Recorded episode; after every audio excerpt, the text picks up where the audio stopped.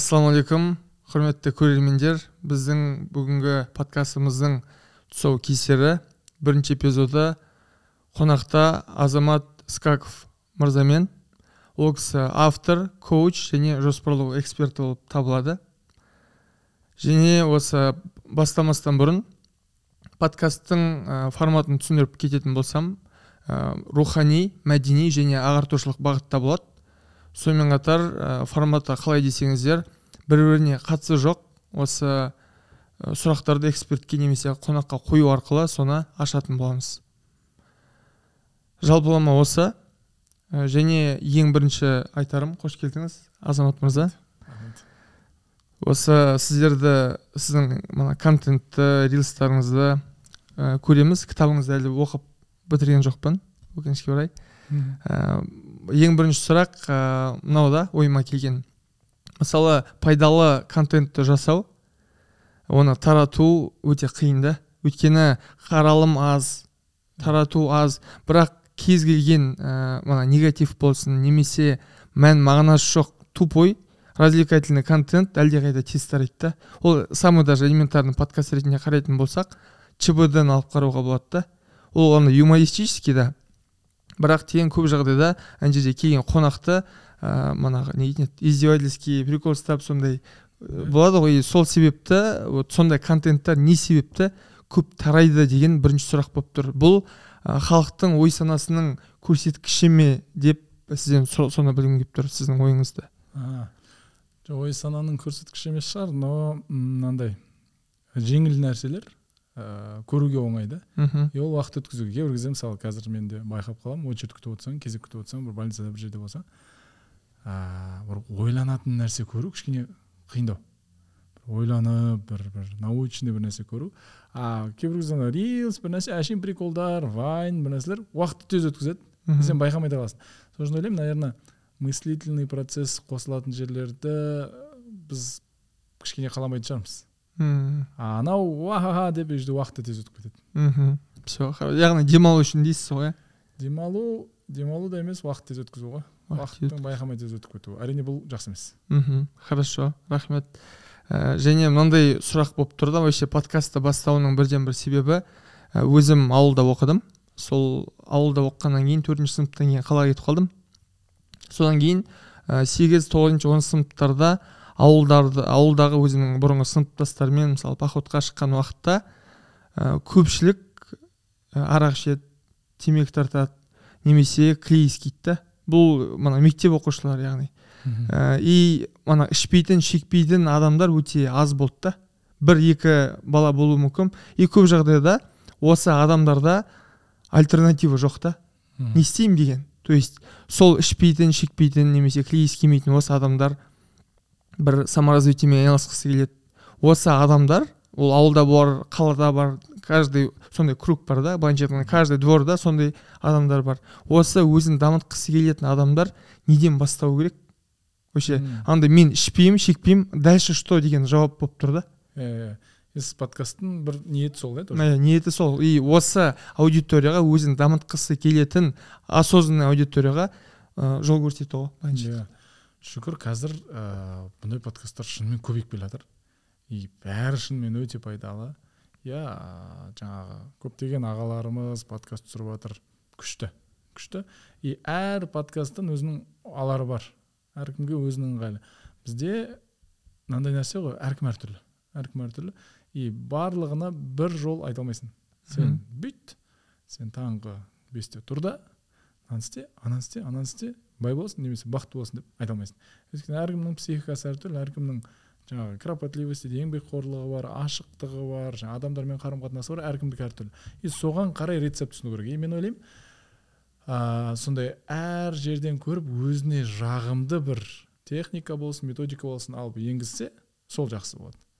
Әйтпесе енді бұл бұрынғы дәуірдің бір үрдісі бар ғой. Бәрі бәрі төрт бұрышты болу керек. Бәрі серый костюммен жүру керек. Бәрі төрт бұрышты бәрі ровно ешкім қатты күлмеу керек ешкім қатты білмеймін жыламау керек деген сияқты нәрсе бар. И бір қалыпқа салуға тырысты.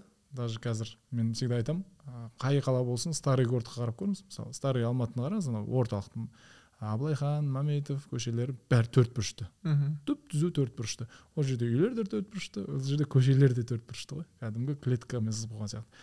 Кейін тұрады да әл фараби мә саған деп бүйтіп айналып кетеді.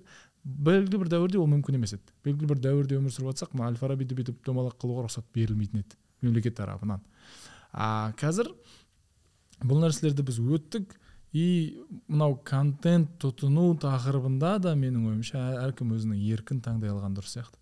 Мен мынаны таңдағым келеді маған мынау жағымды мхм. Мысалы ә, мен жаңағы төрт қырық бесте оянамын деп бәріне төрт қырық беске оян деп айтсам иә белгілі бір мотивациямен бір апта екі апта шабады адамдар. Екі үш ай шабады. Одан тастап кетеді да. Өйткені ә, ол жерде жаңағы пятифакторный психотипированиеда кропотливость деген нәрсе бар да и ол кропотливость әркімде әртүрлі да. Біреулер жаңағы сила волемен сүйреп алып жүреді оны тақ тақ тақ тақ. Біреулерге ол дәрежеге жету үшін махаббатпен ғана түсіндіре аласың да сен. Мысалы біреуге айтуға болады айналайын төрт қырық бесте оян артық сұрақ сұрама. И ол кісі істейді соны күшті істейді. А біреулерге өйтіп айтсаң өтпейді. Біреуге махаббатпен түсіндіру керек бұл не үшін керек? Таңертең жеке өзіңе бір сағат бөлу саған не береді? Сол анау не үшін деген сұрақтың жауабын алған кезде ол өзі істейді әдемі істейді. То есть бәріне бір теп болмайды бәріне бір контент сәйкес келмейді бәріне бір ақпарат та сәйкес келмейді. Мхм рахмет. Ал сізге осы өзіңізді дамыту өзіңізді іздеу ә, осындай потребность қай жаста болды? Және қандай кітаптар фильмдар сізге именно ең басында әсер етті? Мен айтамын ғой андай мен кітап кітап қандай кітап ұсынасыз дейді ғой. Ең бірінші кітап ол сен оған келеміз оған қазір. келеміз. Мынандай болды. Қарасақ қызық бір өзгеріс қызық бір ана бір ә, бір күрт өзгерген моменттердің барлығы ә, тарихымызда бір қиыншылық болған кезде болған екен. Мысалы міндетті түрде түннен кейін таң атады. Міндетті түрде қыстан кейін көктем келеді. Иә ауысып тұрады. Енді а, өмірде де бір периодтар болады сұрақ пайда болады адамда. Мхм. Мен не істеп жүрмін? деген. Қайда бара жатырмын не істеп жүр- ол сұраққа біреу әсер етуі мүмкін. Немесе ол сұраққа бір оқиға әсер еткен болуы мүмкін. Енді менің оқиғамда жиырма алты жаста екі мың он алтыда бір оқиға болды. Отбасымда ә, отбасымызда әулетте дейікші. Сонымен ә, сол оқиға менде мынандай сұрақ туындады. Ол кезде мен ә, тараз қаласында жұмыс істеймін. Мектепте тәрбие завучымын айлығым екі жүз қырық мың теңге. Ә, екі балам бар. Иә садик ә, арендада тұрамын анау мынау. Бірақ мен өте бақыттымын. Менде сұрақ жоқ. Мхм. өте бақытты анау. Ағыспен әдемі өмір сүріп жүргенмін. Жаңағы оқиғадан кейін менде сұрақ пайда болды. Мен қайда бара жатырмын деп ше? Мен ыыы бір он жылдан кейін не істеп жүрмін? Бір мақсат іздедім жоқ екен. Менде жоқ екен. Содан кейін ыыы күйіп кеттім да бір ә, дәптер алып сол кезде просто бір жоспар жазғанмын. Оны айтқанмын алдында да 18 пункт жоспар жаздым. И бір жылдан кейін оның 14 орындалған еді. Иә. И сол кезде кітаптар оқи бастадым. Неше түрлі жаңағы брайан трейси жаңағы магия утра екінші болма қуаныш ағамыздың сол кітаптардың бәрін оқи бастадым. Өйткені сұрақ пайда болды менде. Бұл қалай енді деп ше? Енді иә мен бір нәрсе өзгерткім келіп жатыр енді не? деп. Сосын жүгіру туралы сұрақ кітаптар оқыдым. Қызық болды сол негізі. Ә, мысалы маған жүгіру туралы кітап та біраз философия берді.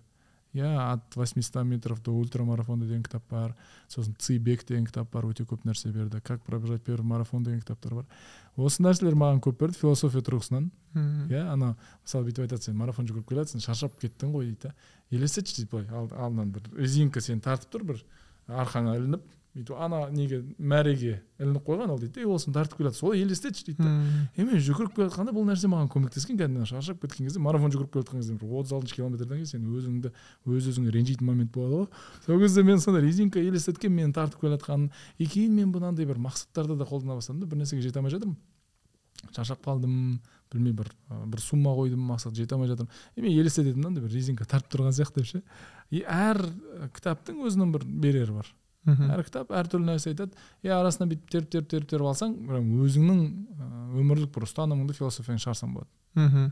И менде сол ә, кітаптардан басталды. Кейін мен бүйтіп айтамын ғой ә, жай әдеттер бар генератор әдеттер бар. Генератор әдет өзінен кейін басқа әдеттер тартып келетін әдеттер. Екіге бөлінеді өзі әдет солай екіге бөлінеді. И жай әдеттер өзінен кейін басқа әдеттер тартып келмейді бірақ мына генератор әдеттерге мысалы ұйқы жатады. Дұрыс ұйықтаған адам сапалы ұйықтаса міндетті түрде ол ерте оянып алады.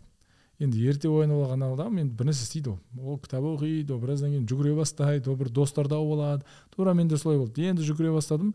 А, бір беговой клуб бар екен. Ох кірдім таныстым. Қараймын е мынау анау бір мықты кәсіпкер мынау кәсіпкер мынау мықты ұстаз мынау мықты медик мынау мықты бір журналист.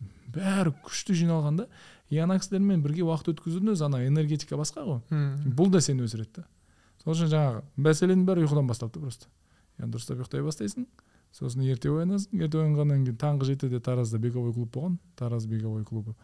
Тараз ран клаб деген. Сол клуб клубқа қосылсам ол жерде бәрі кәсіпкерлер бәрі жаңағы успешный адамдар. Олармен араласып жүріп олармен бірге біз бассейнге жүзе бастадық. Олармен бірге велосипед айдай бастадық. Сөйтіп сөйтіп бәрі кетті да. И сол периодтағы мендегі ана іштегі сұрақ қой. Ә, дальше қайда бара жатырмыз біз деген сұрақ. Мхм. мен андай тік етіп бір нәрсені неткен сияқты қосылған сияқты. Мхм. Мен э, мен сұраған тоже сонда да білгім келеді да сол үш кітап и үш фильмді қандай болды сізге нақты әсер еткен?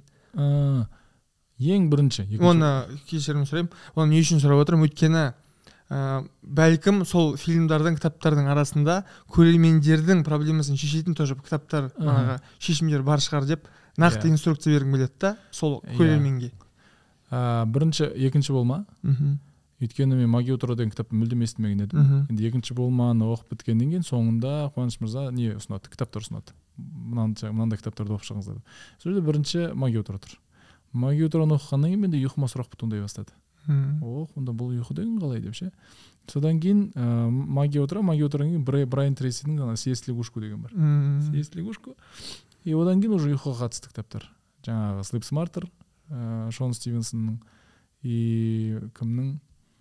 Ә, зачем мы спим деген кітабы бар.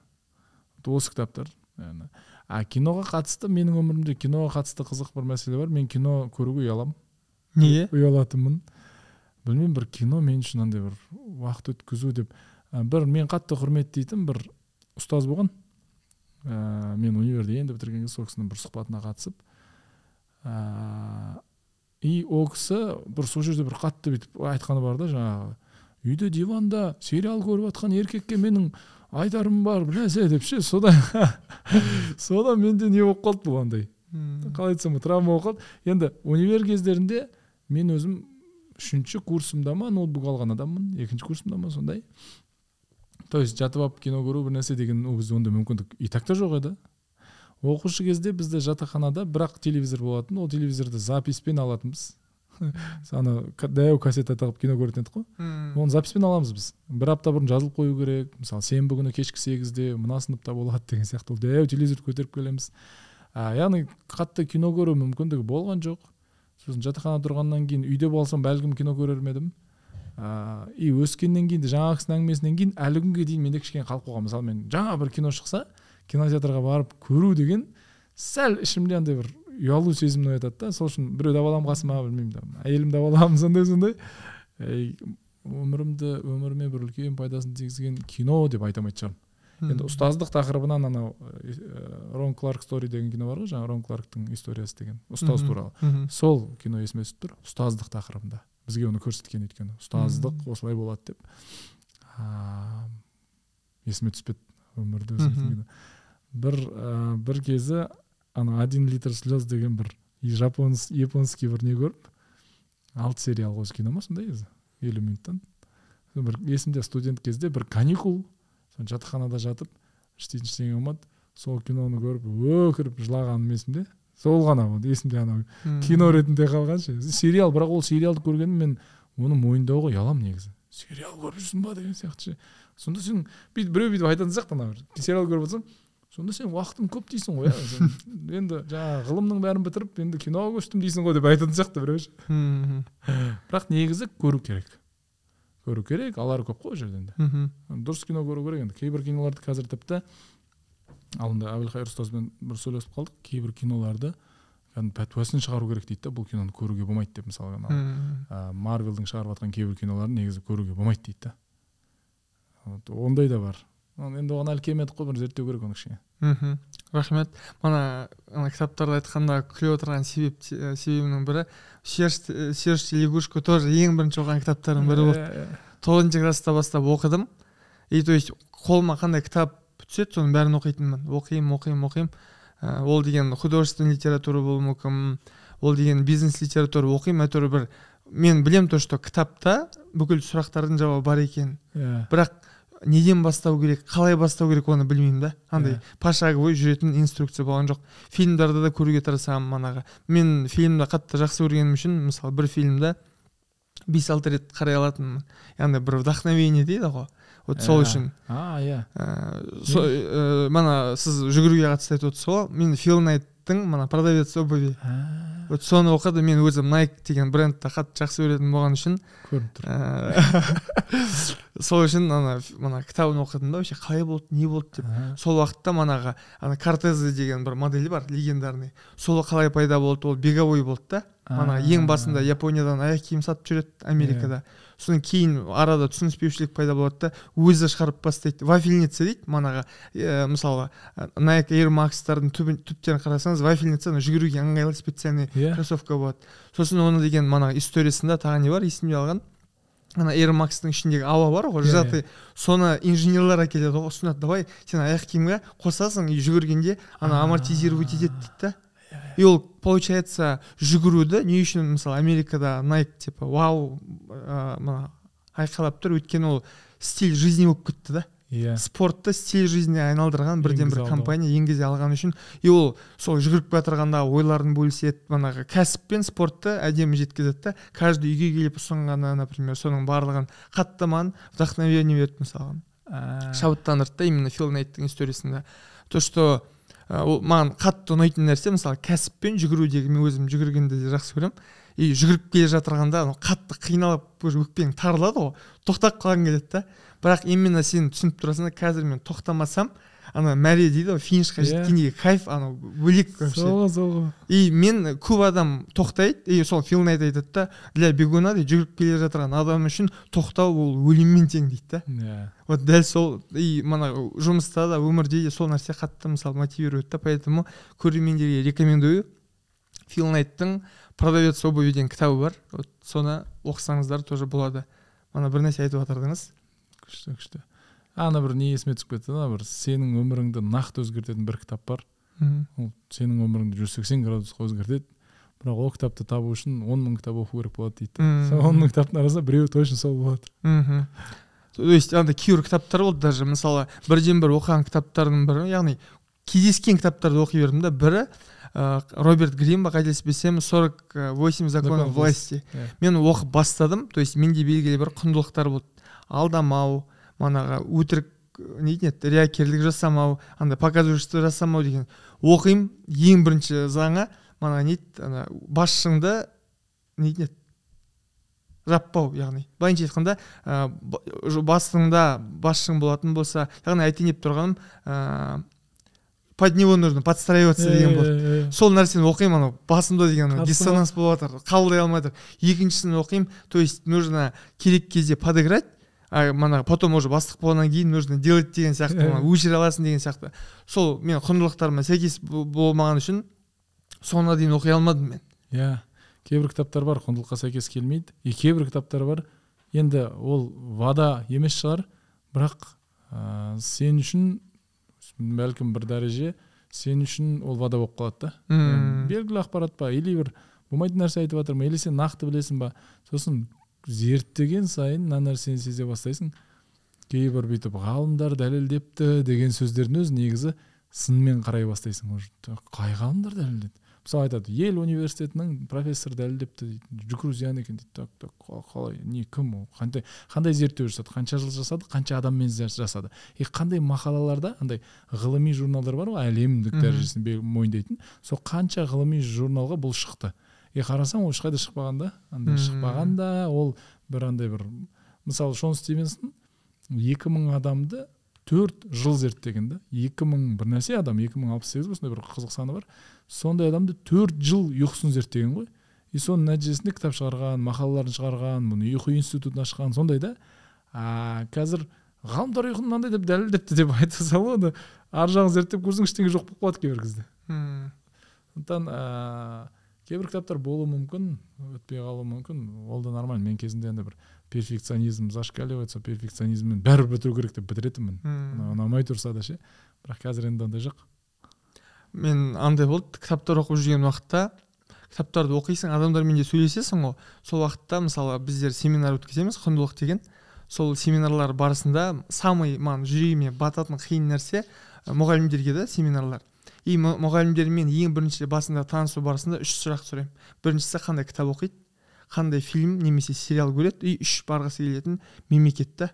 Сол уақытта қандай кітап оқисың дегенде көбінің оқымайтыны көрініп тұрады да. Кейбіреулер ашық айтады біз уақыт жоқ дейді да кітап оқитын ол бәрі өтірік қой по сути уақыт жоқ деген. Ол бірінші момент. Екінші момент ә, кейбіреулері мысалы әдейі мен енді сұрақтың қоюына байланысты жауап беруіне байланысты қарап отырсам андай шаблонно жауап береді. Абай жолы иә деген сияқты. То есть мен содан ақ мен көремін да то что адам өтірік айтып тұр. Кітап оқымадым деп айтуға ұят.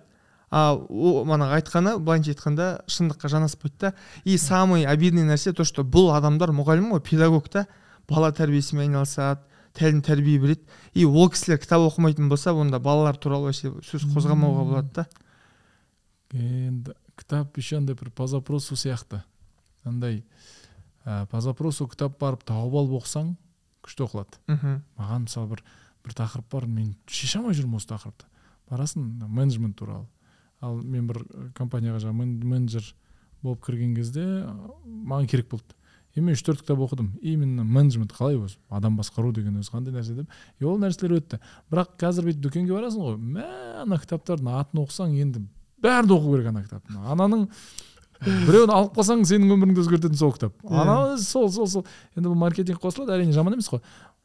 Бірақ бұл кітаптар менің ә, оқиғамды қылып қояды қылып қояды. Алдында бір қызық не болды? Мына канадада жаңағы mcp коучинг курсына жазылдым бір жылдық.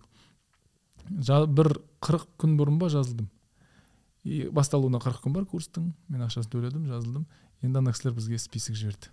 Он алты кітап сен курс басталғанша осы он алты кітапты оқып келуің керек деді. Мм. мәссаған енді он алты кітап енді әрине үлкені бар кішісі бар иә жаңағы не сияқтысы бар брошюра сияқтысы да бар. Ыыы сол кезде енді сен менен талап етті ғой. Еще именно коучингке және психологияға қатысы бар кітаптар ғой. Шынымен де өте қызық кітаптар. И жаңағы бірден сол күні ұшып бардым меломанға. Меломанын алдым. Ә, кейбір бір екі кітап табылмай қалды оларды флиптан тапсырыс бердім. Сөйтіп алып алдым да анау курс басталғанша мен бәрін оқып бітірдім. И олай по запросу болады бірақ это не значит что сен каждый қырық күн он алты кітап оқымайсың да? Мгм. может быть сен қазір запрос жоқ может бір айда бір кітап оқисың деген сияқты. А бірақ прям саған четко тапсырма берілсе бітіресің. Менде ана бір екі апталық спринт деген бір курс болған и сол жерде біз үш, үш кітап бітіруді талап ететінбіз. Екі аптада үш кітап и почти бәрі бітіретін. Сен сенен талап етсе істейсің. Мына нәрсе есіме түсіп отыр даже психологияда да андай нәрсе бар ғой.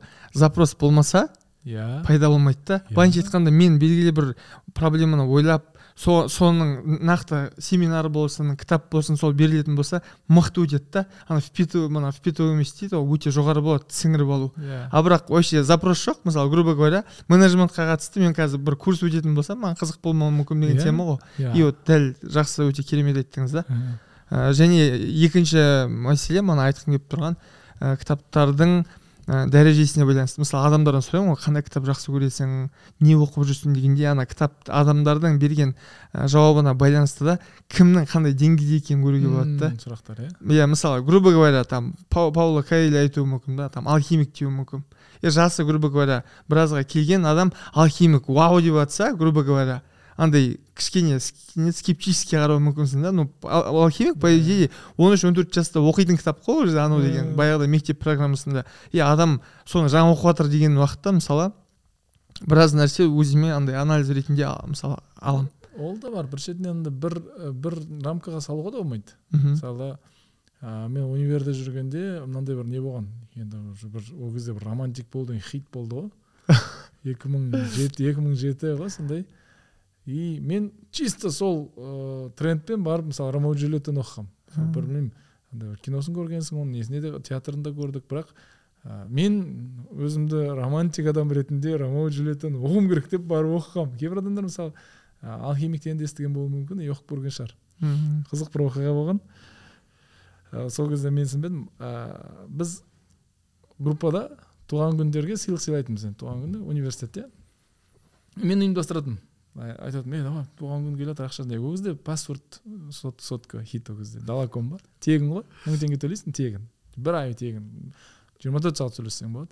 И сол мен паспорт сыйлап жүрмін да андай. То есть біреудің туған күні келеді мен группаны жинаймын. Ей ақша жинайық осындай теңгеден жинайық үш мың теңгеден мың теңгеден ба?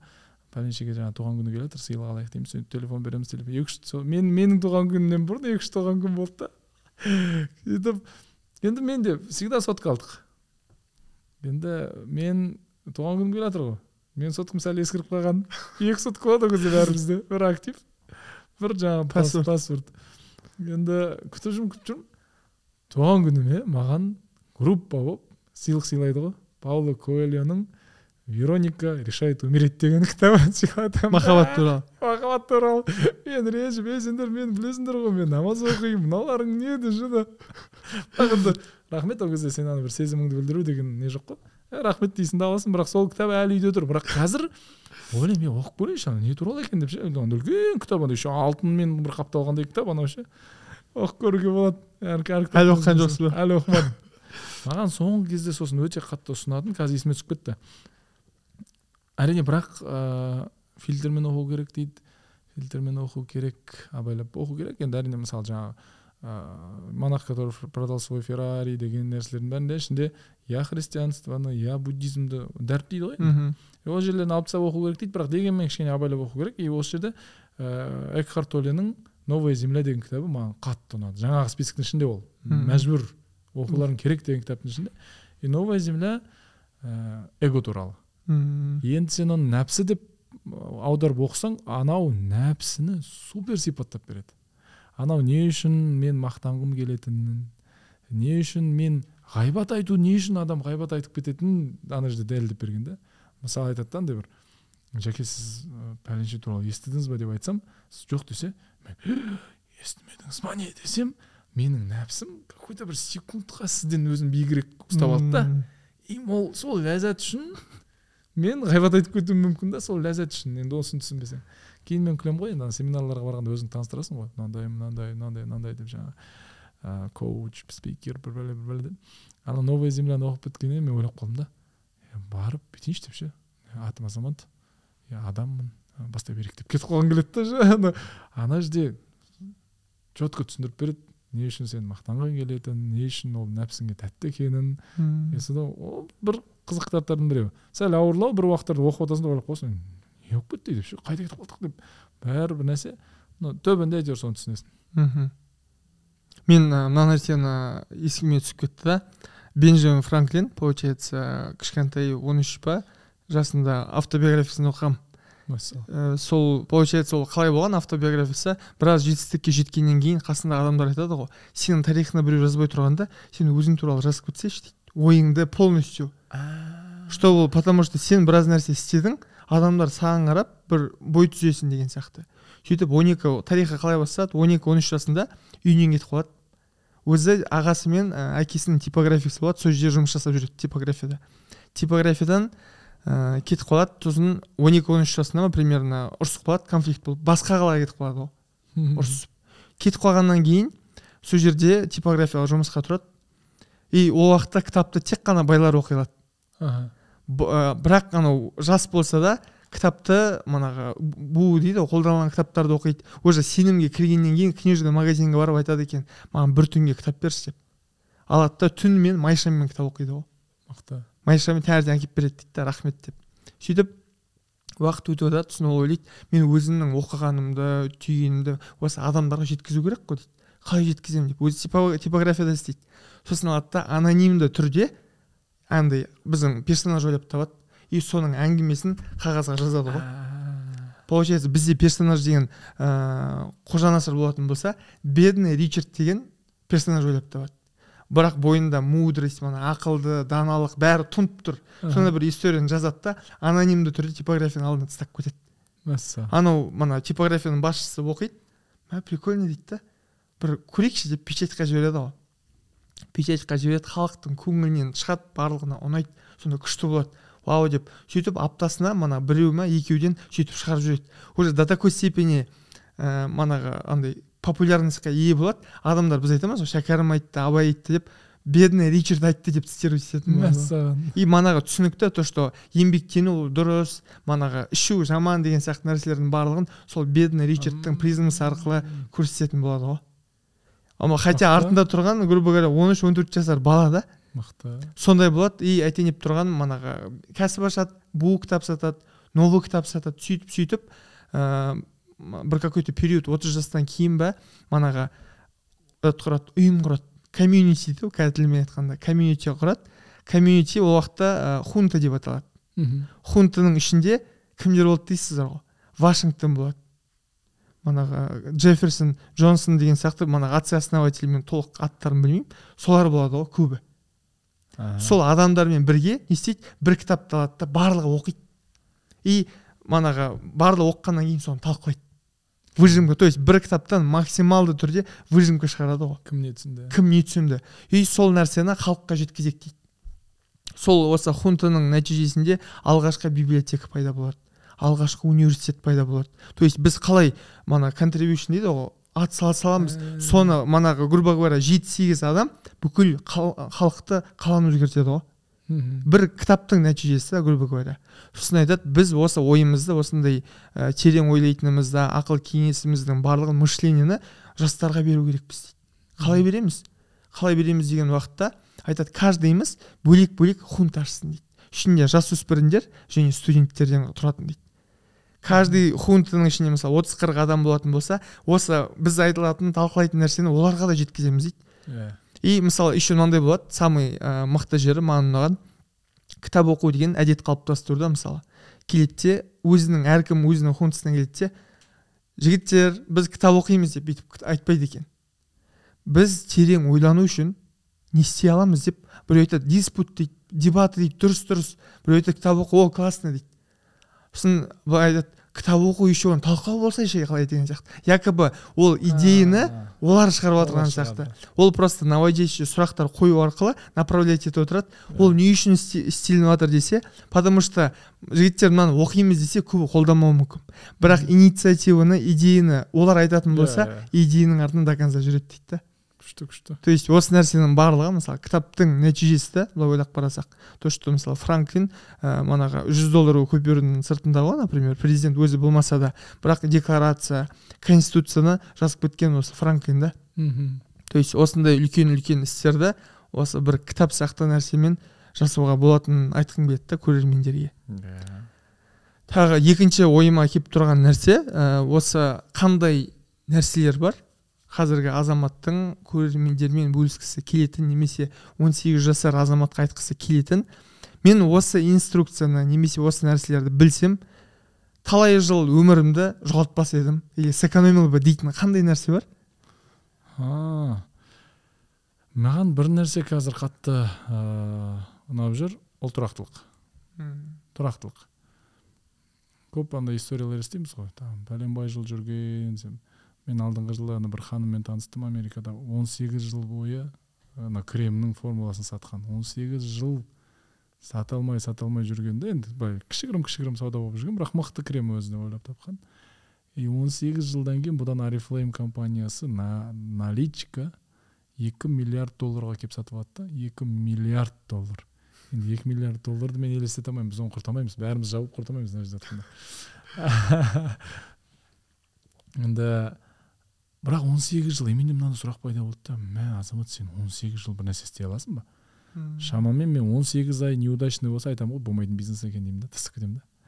И бұл жарайды енді бизнесқа қатысты енді бұл бөлек қой бірақ өзіміздің әдетке қатысты бір нәрсені өзгертуге қатысты тұрақтылық. Мен тұрақты істеймін ә, нәтиже бола ма болмай ма маған қызық емес. Бірақ мен мысалға 30 жыл осы мәселені жасаймын.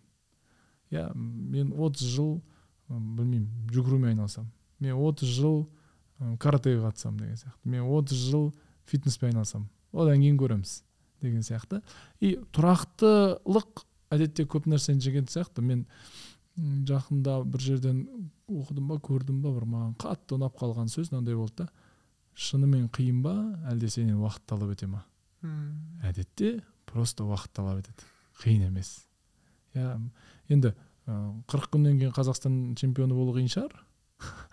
бірақ ыыы екі жылдан кейін болуға болады. Кез келген спортта менің ойымша. Иә екі жылдан кейін ә, кез келген тілді жаттап алуға болады. Екі жыл емес алты ай деп айтамын мен. Сондықтан ә, шынымен қиын ба әлде уақыт талап ете ма? И көбіне просто уақыт талап етеді. И тұрақтылық. Мынандай бір формуламен мен ыыы өміріме енгізіп он алтыда ағылшын тілін үйрену керек болды. Өйткені кететін болдым прагаға. Ыыы сол кезде екі айда үйреніп алдым мен. Енді ол уақытқа әрине қызығушылық болды бірақ екі айдың ішінде мен айлтс алты жарым тапсырып сөйтіп ары қарай кетіп қалдым да прагаға.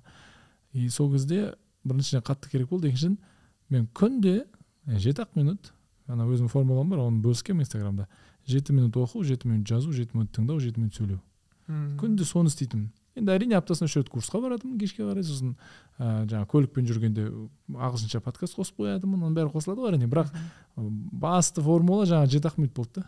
Жеті минут оқуым керек жеті минут тыңдауым керек жеті минут жазуым керек жеті минут сөйлеуім керек деген нәрсе бірақ осы екі айда берді. Бірақ осы формула менің ойымша алты айда кез келген тілді беретін сияқты. Мхм. Сен көбейт мысалы он минут қыл да он бес минут қыл уақытқа қарай. А былай бүйтеді ғой отырамын да мен болды күніне бір сағат ағылшын тілі оқимын деп ешқашан ағылшын тілін оқымаған адамға қазіргі дәуірде отырып бір сағат қимылдамай отыру өте қиын. Баяғыда сухомлинский жаңағы педагогтар мынандай нәрсе дәлелдеген да бір не үшін біздің сабақтар қырық бес минут өйткені бір оқушының фокусы қырық минутқа жетеді деп олар дәлелдеген да қырық қырық бес минутқа сол үшін сабақ осындай одан кейін үзіліс беру керек дейді да. А қазір бұл көрсеткіш бір он он бес минутқа түсіп кеткен сияқты. Мхм. Менің бір он бес минуттан артық отыруым қиындау да енді бір оқушыға немесе любой адамға бұны талап ете алмайсың. Мхм. И сол үшін жаңағы қысқа бірақ эффективный әрекеттер ғой қысқа и қателесуге қатысты маған ұнайтын кім бүйтіп әдейілеп қате жасайды ше? Ой мен бір бір жақсылап бір қазір қате жасайыншы бір екі жылдан кейін өкінетіндей осыған деп ше. Ешкім әдейілеп қате жасамайды ғой. Ешкім. Бірақ біз қате жасауға қатты қорқамыз да. И абайла абайла абайла абайла қателесіп қалма. Ойбай бір нәрсе нетіп қалмасын анау ұят болып қалмасын бүйтіп қалмасын. И менің миым нәтижесінде мүлдем ештеңе істемей қою дегенді таңдайды да. Өйткені қателеспеу үшін мүлдем ештеңе істемеу тынышы ең тынышы. Сол үшін мен бір нәрсе істеп көрмеймін. Сол үшін мен қорқыныш басым болып кетеді. Ыыы и осы жерде мынандай бір өзіме ұнаған нәрсе қорқынышты қызығушылықпен ауыстырып көрші дейді да андай. Ә, интересно не болады екен деп ше? Интересно бір подкастқа түссем не болады екен деп ше? Или интересно мен бір халықтың алдына шығып қазір сахнаға шығып бір нәрсе айтсам не болады екен? Көрейікші деп. Қорқынышты ғой өте қорқынышты. Бірақ соны орнына ауыстырып көрсең е осыны істеп көрсем не болады екен деп ше? Жақында бір өзімнің коучыммен бір разговор болып мен айтып жатырмын ғой. Бір бәрі жақындап кетті иә. И айтып отырмын е бір қазір көп қалаларға барып кеттім сабақ беріп семинар беріп ана кітаптың презентациясын жасап көп қалаларға алдында бір бір бір аптада төрт қалаға барып қайтыппын мысалы. Бұл физикалық тұрғыдан сені шаршатады. Қанша сен жаңағы мықты болсаң да физикалық тұрғыдан каждый раз перелет бір жерге машинамен барасың. И бұл шаршатады ғой. Келіп айтамын да жаңағы коучыммен разговор болып жатыр мен айтамын мен че то дұрыс келе жатырмын ба дұрыс келе жатқан жоқпын ба мен бір шатасып кеттім деймін да. Қазір мен мынау кітап деп қалаларды саяхаттап жүрмін. Енді қалаларды саяхаттаған кезде мен режимім бұзылып бара жатыр. Спортым че то мен бір апта болды нете алмай жатырмын бір нәрсе бір нәрсе и күйіп бара жатырмын деймін да маған че то дұрыс емес жасап жатқан сияқтымын дейді. И азамат қызығушылықпен қарасаң қалай болады дейді да. И менде дүңк кете қалды да. Интересно қалай болады екен көрейікші. Бүкіл қазақстанды аралап көрейік. Не болады екен? Көрейікші. Қызық. Енді маған қызық та ол. Енді маған қорқынышты емес енді маған қызық. Қателесуден қорықпа қорықпа дейді бірақ қателесуден қорықпа деген әдейілеп барып қателес деген сөз емес қой ол. Қателесуден қорықпа деген әрекет жасау ғой. Енді әдейілеп ешкім қателеспейді ғой. Бірақ қазір мен ойлап отырмын мүмкін мә ана жерде екі жыл бұрын бір қате жасап па не деп өйткені мен қазір өстім. А екі жыл бұрынғы азамат оны әдемі жасады өзінің ойынша. Өзінің ойынша ол әдемі әрекеттер жасап жүр ғой. Қазір өскенім үшін мен оған қарап жатырмын. Сондықтан тұрақтылық и қателіктен қорықпау деген бір жауыр сөз болып кеткен сияқты ма? Енді әрекет етуден қорықпау деп айтайықшы. Иә өйткені әдейілеп сен қателеспейсің. Мхм. Барып әде бірақ мен бір курстарға қатыстым шынымен ол жерде бір әдейілеп қателесу тапсырмасын да берді ше андай бір. Әдейілеп бар да бір істеп көрмеген адамдар тоқтатып бір біртүрлі сұрақтар сұра дейді да андай бір. Болмайтын сұрақтар тоқтатып астанада бүгін күн қалай екен? деп сұра деген сияқты ше. Тоқтатып алып сен бокспен айналысып па едің деген сияқты бір қыз тоқтатып сондай сұра дейді да мысалы бір болмайтын сұрақтар. Сол кезде жаңағы сенің қорқыныштарың жеңеді дейді. Әртүрлі енді бірақ жинақтайтын болсам тұрақтылық и әрекеттен қорықпау дейік мхм. Керемет айттыңыз вот әрекет етуден қорықпау да. Мен ойыма келген мына нәрсе. Көп адамдар қазіргі таңда мысалы көрермендерден болуы мүмкін ауылдарда да. Мысалы мен сондай адамдарды білемін ауылда тұрады. Көшкісі келеді қалаға алматыға көшкісі келеді. Возможно ауылдағылар қалаға көшкісі келеді просто так. Басқа региондағы қаладағылар алматы мен астанаға көшкісі келеді. Сол нәрсе и опять таки дальше что? Деген қорқыныш та мана сіз айтқандай ғой. Вот сол қорқыныш вот сол көрермендерге өте керемет бір экспириенс дейді ғой опыт ә, үшін ә, керемет мана қорқынышты қызған қызған не? Қызығушылық. Қызығушылықпен алмастырған керемет бір инструмент деп ойлаймын. И статистикаға қарасаңыз ә, қалаға келіп күнін көре алмай қалған адам жоқтың қасы жоқтың қасы. Мхм. Иә өте аз пайыз бәрін салыстырғанда өте аз пайыз қайтып кеткен кісілер бар өте аз пайыз. Бірақ келіп қиналып не істерін білмей уже біттім деп қиналып қалған өте аз. Келеді келгеннен кейін күшті болып кетеді. Керісінше өте бай болады. Мхм. Өте бай болады. А мына бір нәрсе бар ғой. Біз түнде көлікпен келе жатқан кезде көлік елу метр жерді жарық қылады. Бірақ мен қазір таразға кетіп бара жатырмын мысалы. Алматыдан шықтым түнде таразға кетіп бара жатырмын таразға дейін жарық болып тұрудың керегі жоқ та маған елу метрімді көрсем болады меніңше и ол елу метрді өткеннен кейін ар жақтағы елу метрді көремін мен. Мен қазір алматыдан шығып маған тараздың кіре берісінде ауа райы қандай болып тұр екен? деу қызық емес барғанда көреміз. Иә әрине ауа райы болмаса бірақ анау жарық мәселесі елу метр көріп тұрсаң болды. Мхм. келесі елу метрді қазір керегі жоқ саған. Ол, саған пока сен оған дайын емессің де. Енді елу метрден кейін андай болады екен деп қазір қорқып отыру ол да қате да. Мхм. тараз андай сияқты таразға дейін ә, менің дөңгелегім жарылып қалатын сияқты деп қорқынышпен бару сияқты ғой ол ше. Мхм. елу метр көрінсе болды жүре берді хорошо рахмет. Мына сіз айтып отырғаннан мына нәрсе ойыма келді да. Мен алматыға келген уақытта ең басында бір ә, бауырымызбен бірге келдік. Батырбек деген. Білесіз ба? А иә жұматай. Иә жұматай Иә. батырбек сол кісімен бірге келдік та. И екеуміз келген уақытта ә, сол прям подряд келдік. И ол кісі мана инстаграмды жаңа дамытып бір нәрселер сатып бастады менде инстаграм атымен жоқ ол уақытта. Сосын айтады да жәке сен деген кітап оқисың осы нәрселерді инстаграм арқылы ашатын болсаң жасайсың ғой дейді да сен біраз нәрсені. Мен айтамын "Е, маған керек емес ол өтірік нәрсе деп мен инстаграмда вообще социальный сеть мойындамайтынмын. Вообще кірмеймін де ашпаймын да. Сөйтіп жүрдім. Кейін мысалы ортада қанша уақыт өтті и батырбек мысалы біраз жетістікке жетті да. Иә баке. Біраз нәрсені жасап тастады жобалар ашты например. Сол кейін барып мен ойлап отырмын да то есть мен қорықтым ба или сенбедім ба то есть менде ондай запрос болған жоқ. Біріншіден. Сол и екіншіден ә, манағыдай бір қорқыныш та болды. Ол керек па қандай болу керек деген сияқты. И вот сол нәрсе мана сіз айтқандай ә, көп нәрсенің жасауға кедергі болды. Иә. Кедергі болды. Фейл мана фейлдардан провалдардан қорқу да. И ә, осы соңғы уақытта ә, убеждениеға қатысты нәрселерді оқып жүрмін. И сонда айтады да адамдардың көпшілігі ә, негативті көп ойлайды және көп сөздерді қолданады дейді. Ойларының басым көпшілігі негативті дейді да. Мана болмай қалады қазір бастаймын провал болып қалады фейл болып қалады деген сияқты сол нәрсе дейді да и осы нәрселер осы нәрселер и соответственно біздің қазіргі болып отырған вот қазіргі таңда болып отырған нәрсеміз ол біздің ойымыздың убеждениеміздің нәтижесі ғой по сути. И біз негативті ойлайтын болсақ көп жағдайда сол нәрсе болады да. Мен андай паттерн дейді ғой бір нәрсенің қайта қайта қайталануы да. Иә. Ол мысалы сен қайта қайта қарызға кіруі мүмкінсің қайта қайта бір типтес адамдарды кездестіруі мүмкінсің. Яғни ол сенің басындағы аварияның ә, нәтижесі сенің қазіргі реальностьсің ғой грубо говоря. Іздеп жүріп тауып аласың. Иә іздеп жүріп таба аласың деген нәрсе іздеп ғой. жүріп тауып аласың. И мана ол мына нәрсені не үшін айтып жатырмын манағы убеждениеға қатысты. Мана сіз айттыңыз ғой он сегіз список жасадыңыз оның он төрті ә, жасалды орындалды деп та Иә. бір жылдың ішінде қателеспесем иә. Сегіз айда. И мен ана нәрсені алдында бір интервьюда айттыңыз да то что көмекші керек болып еді көмекші сол моментте жазды.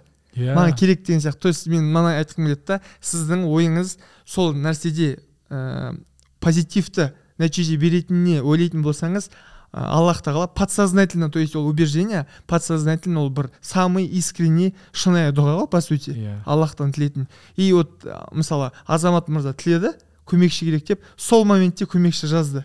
Яғни позитивно ойласаңыз ол уже дұға болады да искренне дұға болады да и ол нәрсенің орындалуына ыыы мүмкіндіктің көбі туралы. Соны бір айтып кетіңізші. Иә иә иә.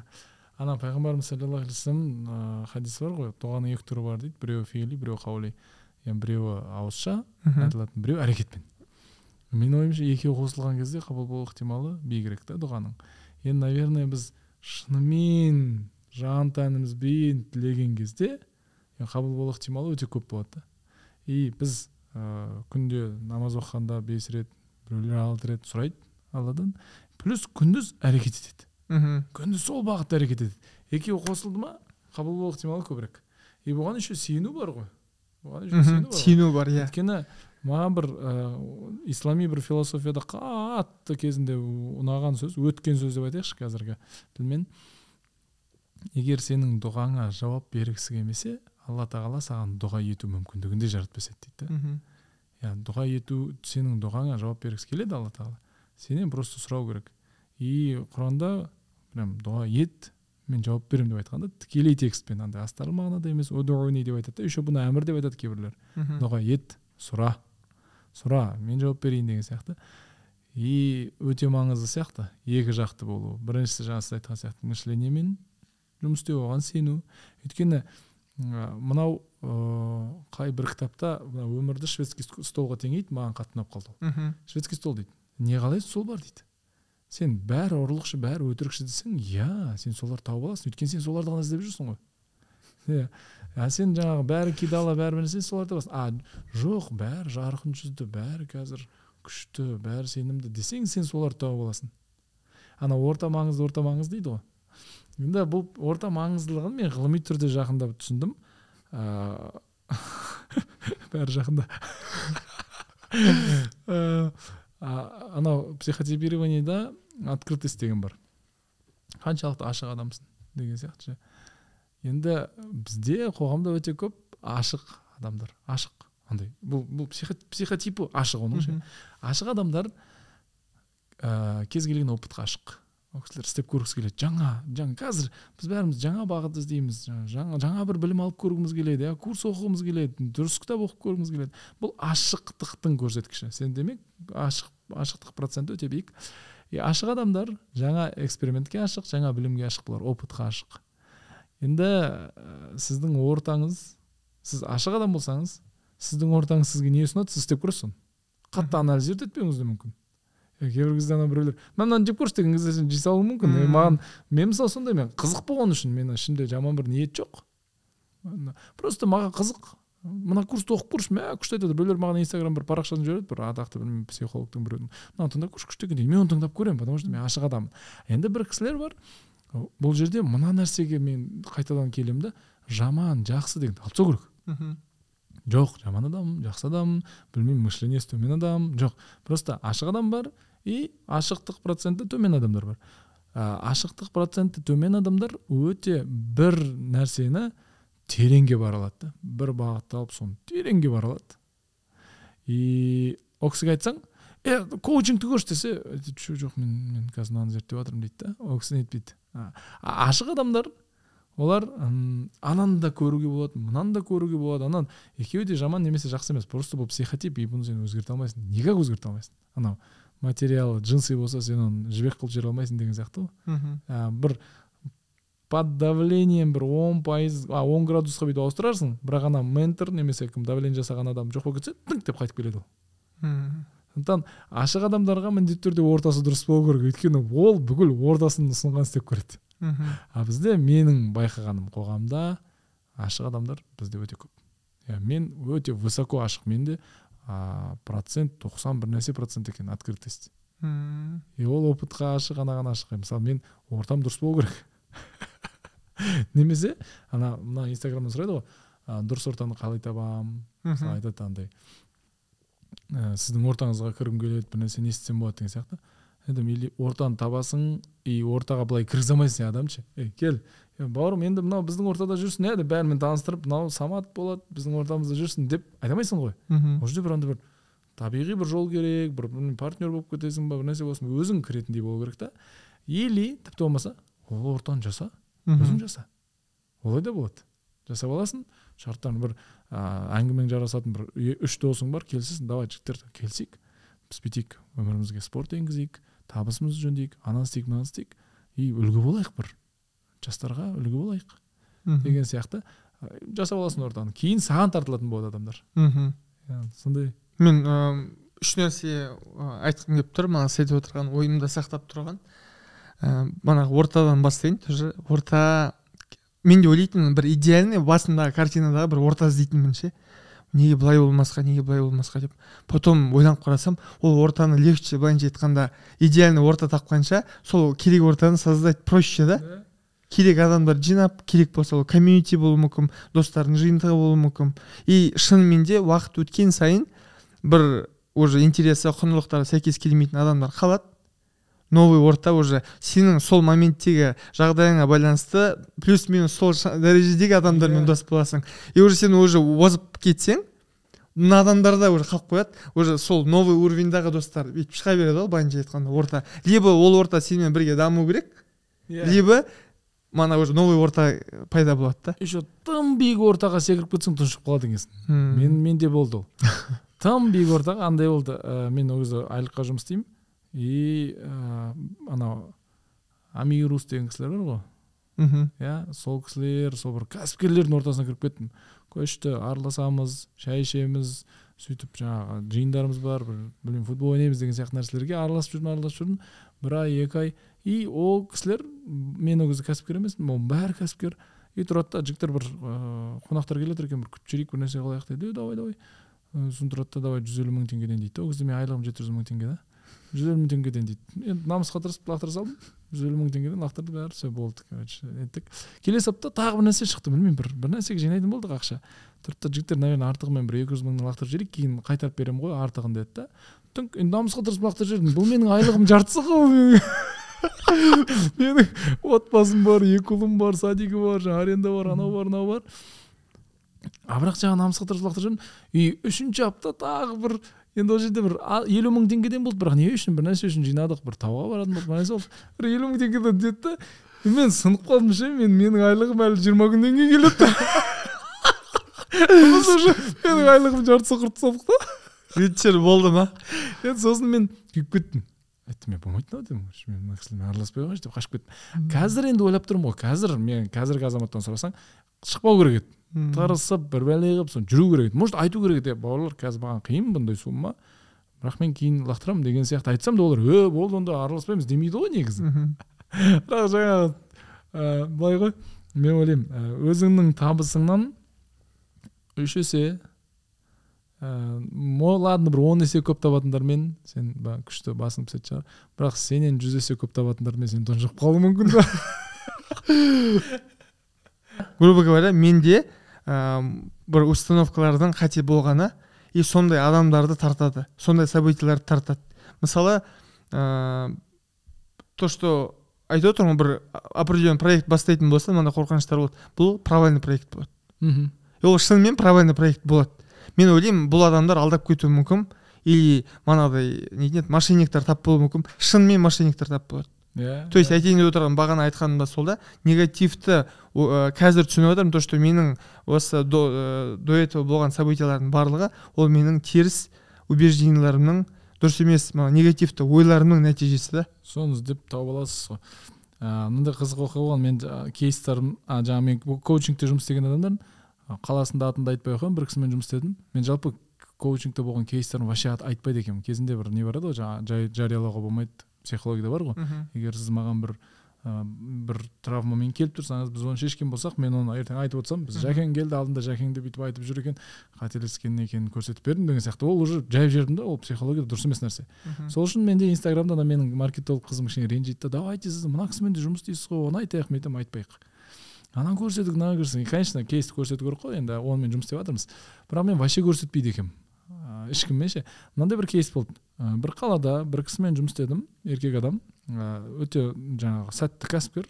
Ә, сеть ә, не бар екенін айтпаймын. Бір жүйесі а, не бар? Сеть бір дүкендер сети бар. И айтады да азеке бәрі ұрлықшы дейді да. Бәрі ұрлықшы дейді ә, жұмысқа алсам бітті бүкіл ойы бір ұрлау болып тұрады дейді да ананы бір кешке қарай мен кеткеннен бір үйіне алып кеткісі келіп тұр ма кассадан алғысы келіп тұр бір нәрсе. Маған қалай бәрі? деймін да. Сексен пайыз дейді. Мен айтайын саған дейді. Маған жұмысқа кіреді ғой дейді. Сексен пайыз неге олай қол санымен сөйлестік шынымен көп ұстап ала береді да бұл кісі ше?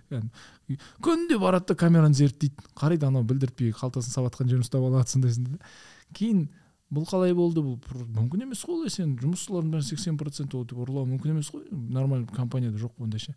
Кейін соны сұрастырып сұрастырып келсем бұл кісі пәленбай жыл следователь болып жұмыс істеген да. Мемлекетте ше органда следователь болып жұмыс істеген кісі да. Енді бұл кісі пенсияға шықты. Жас шығады ғой енді ол жас ол кісілер да. Пенсияға шығып мына кәсібін бастады бәрі күшті жатыр анау привычка бар ғой. Сен отыз жыл следователь болғансың сен табуың керек қой ше. Сен табуың керек. Енді ұрламайтын біреуді алып мен жұмысқа подсознательно мен ұрламайтын біреуді жұмысқа қойып қойсам мен істейтін ештеңе болмай қалады ғой. Мен бар ғой примерно ұрлайтын адамды қоямын бірақ подсознательно білмеймін ғой оған ше. Примерно ұрлайды ау деген адамды мен жұмысқа таңдауым мүмкін да. Подсознательно сондай таңдайсыз бірақ сознательно ешкім орын алғысы келмейді. Иә иә. иә тура солай. Фокус қой фокус. Қай жаққа фокус қоясың сол көбейеді. Мысалы мына үйленуге қатысты жастар келеді да бойдақ адамдар. И получается мана айтқанымдай бір типтес адамдар қайта қайта кездесе береді да. Иә. Мысалы ол ыыы ішуі мүмкін жауапкершілігі жоқ болуы мүмкін. Мысалы ер адамдарға қатысты айтып отырмын да. Ол деген ә, тағы не болуы мүмкін? Алдауы мүмкін деген сияқты. Постоянно бір типтес адамдар қайта қайта кездесе береді да. Мен келген мысалы қыз бала болса айтамын сізге бірінші мына өзіңізбен жұмыс жасап иә. манағы нужно мына психологияңызды өзгерту керек. Содан кейін ғана барып дұрыс кандидаттар кездесіп бастайды. Кездессе олар жүр ғой. Шведский стол ғой? Иә шведский стол сен не таңдайсың соны табасың ғой. Сен бірақ аналарды ғана таңдап жүрсің да. Мхм. Бұны мен мынандай ә, маған мысалы әке болу институтын оқыған жоқпын мен. Әке болу институтын әке болу туралы кітапты да бір, бір үйленген жылы оқыған жоқпын мен. Кейін оқыдым. Балам болған кезде оқыған жоқпын мен оны. Иә кітап оқыған жоқпын. Енді әке болу институтын мен қайдан алдым? Өзім әкемнен алдым. Мхм. Әрине менің әкем супер. Әркім үшін өзінің әкесі супер. И ол идеальный модель ғой. Дегенмен бір изяндар болуы мүмкін. Не үшін изян болуы мүмкін? Себебі менің әкем алпысыншы жылғы философиямен супер тәрбиеледі бізді. Алпысыншы жылғы.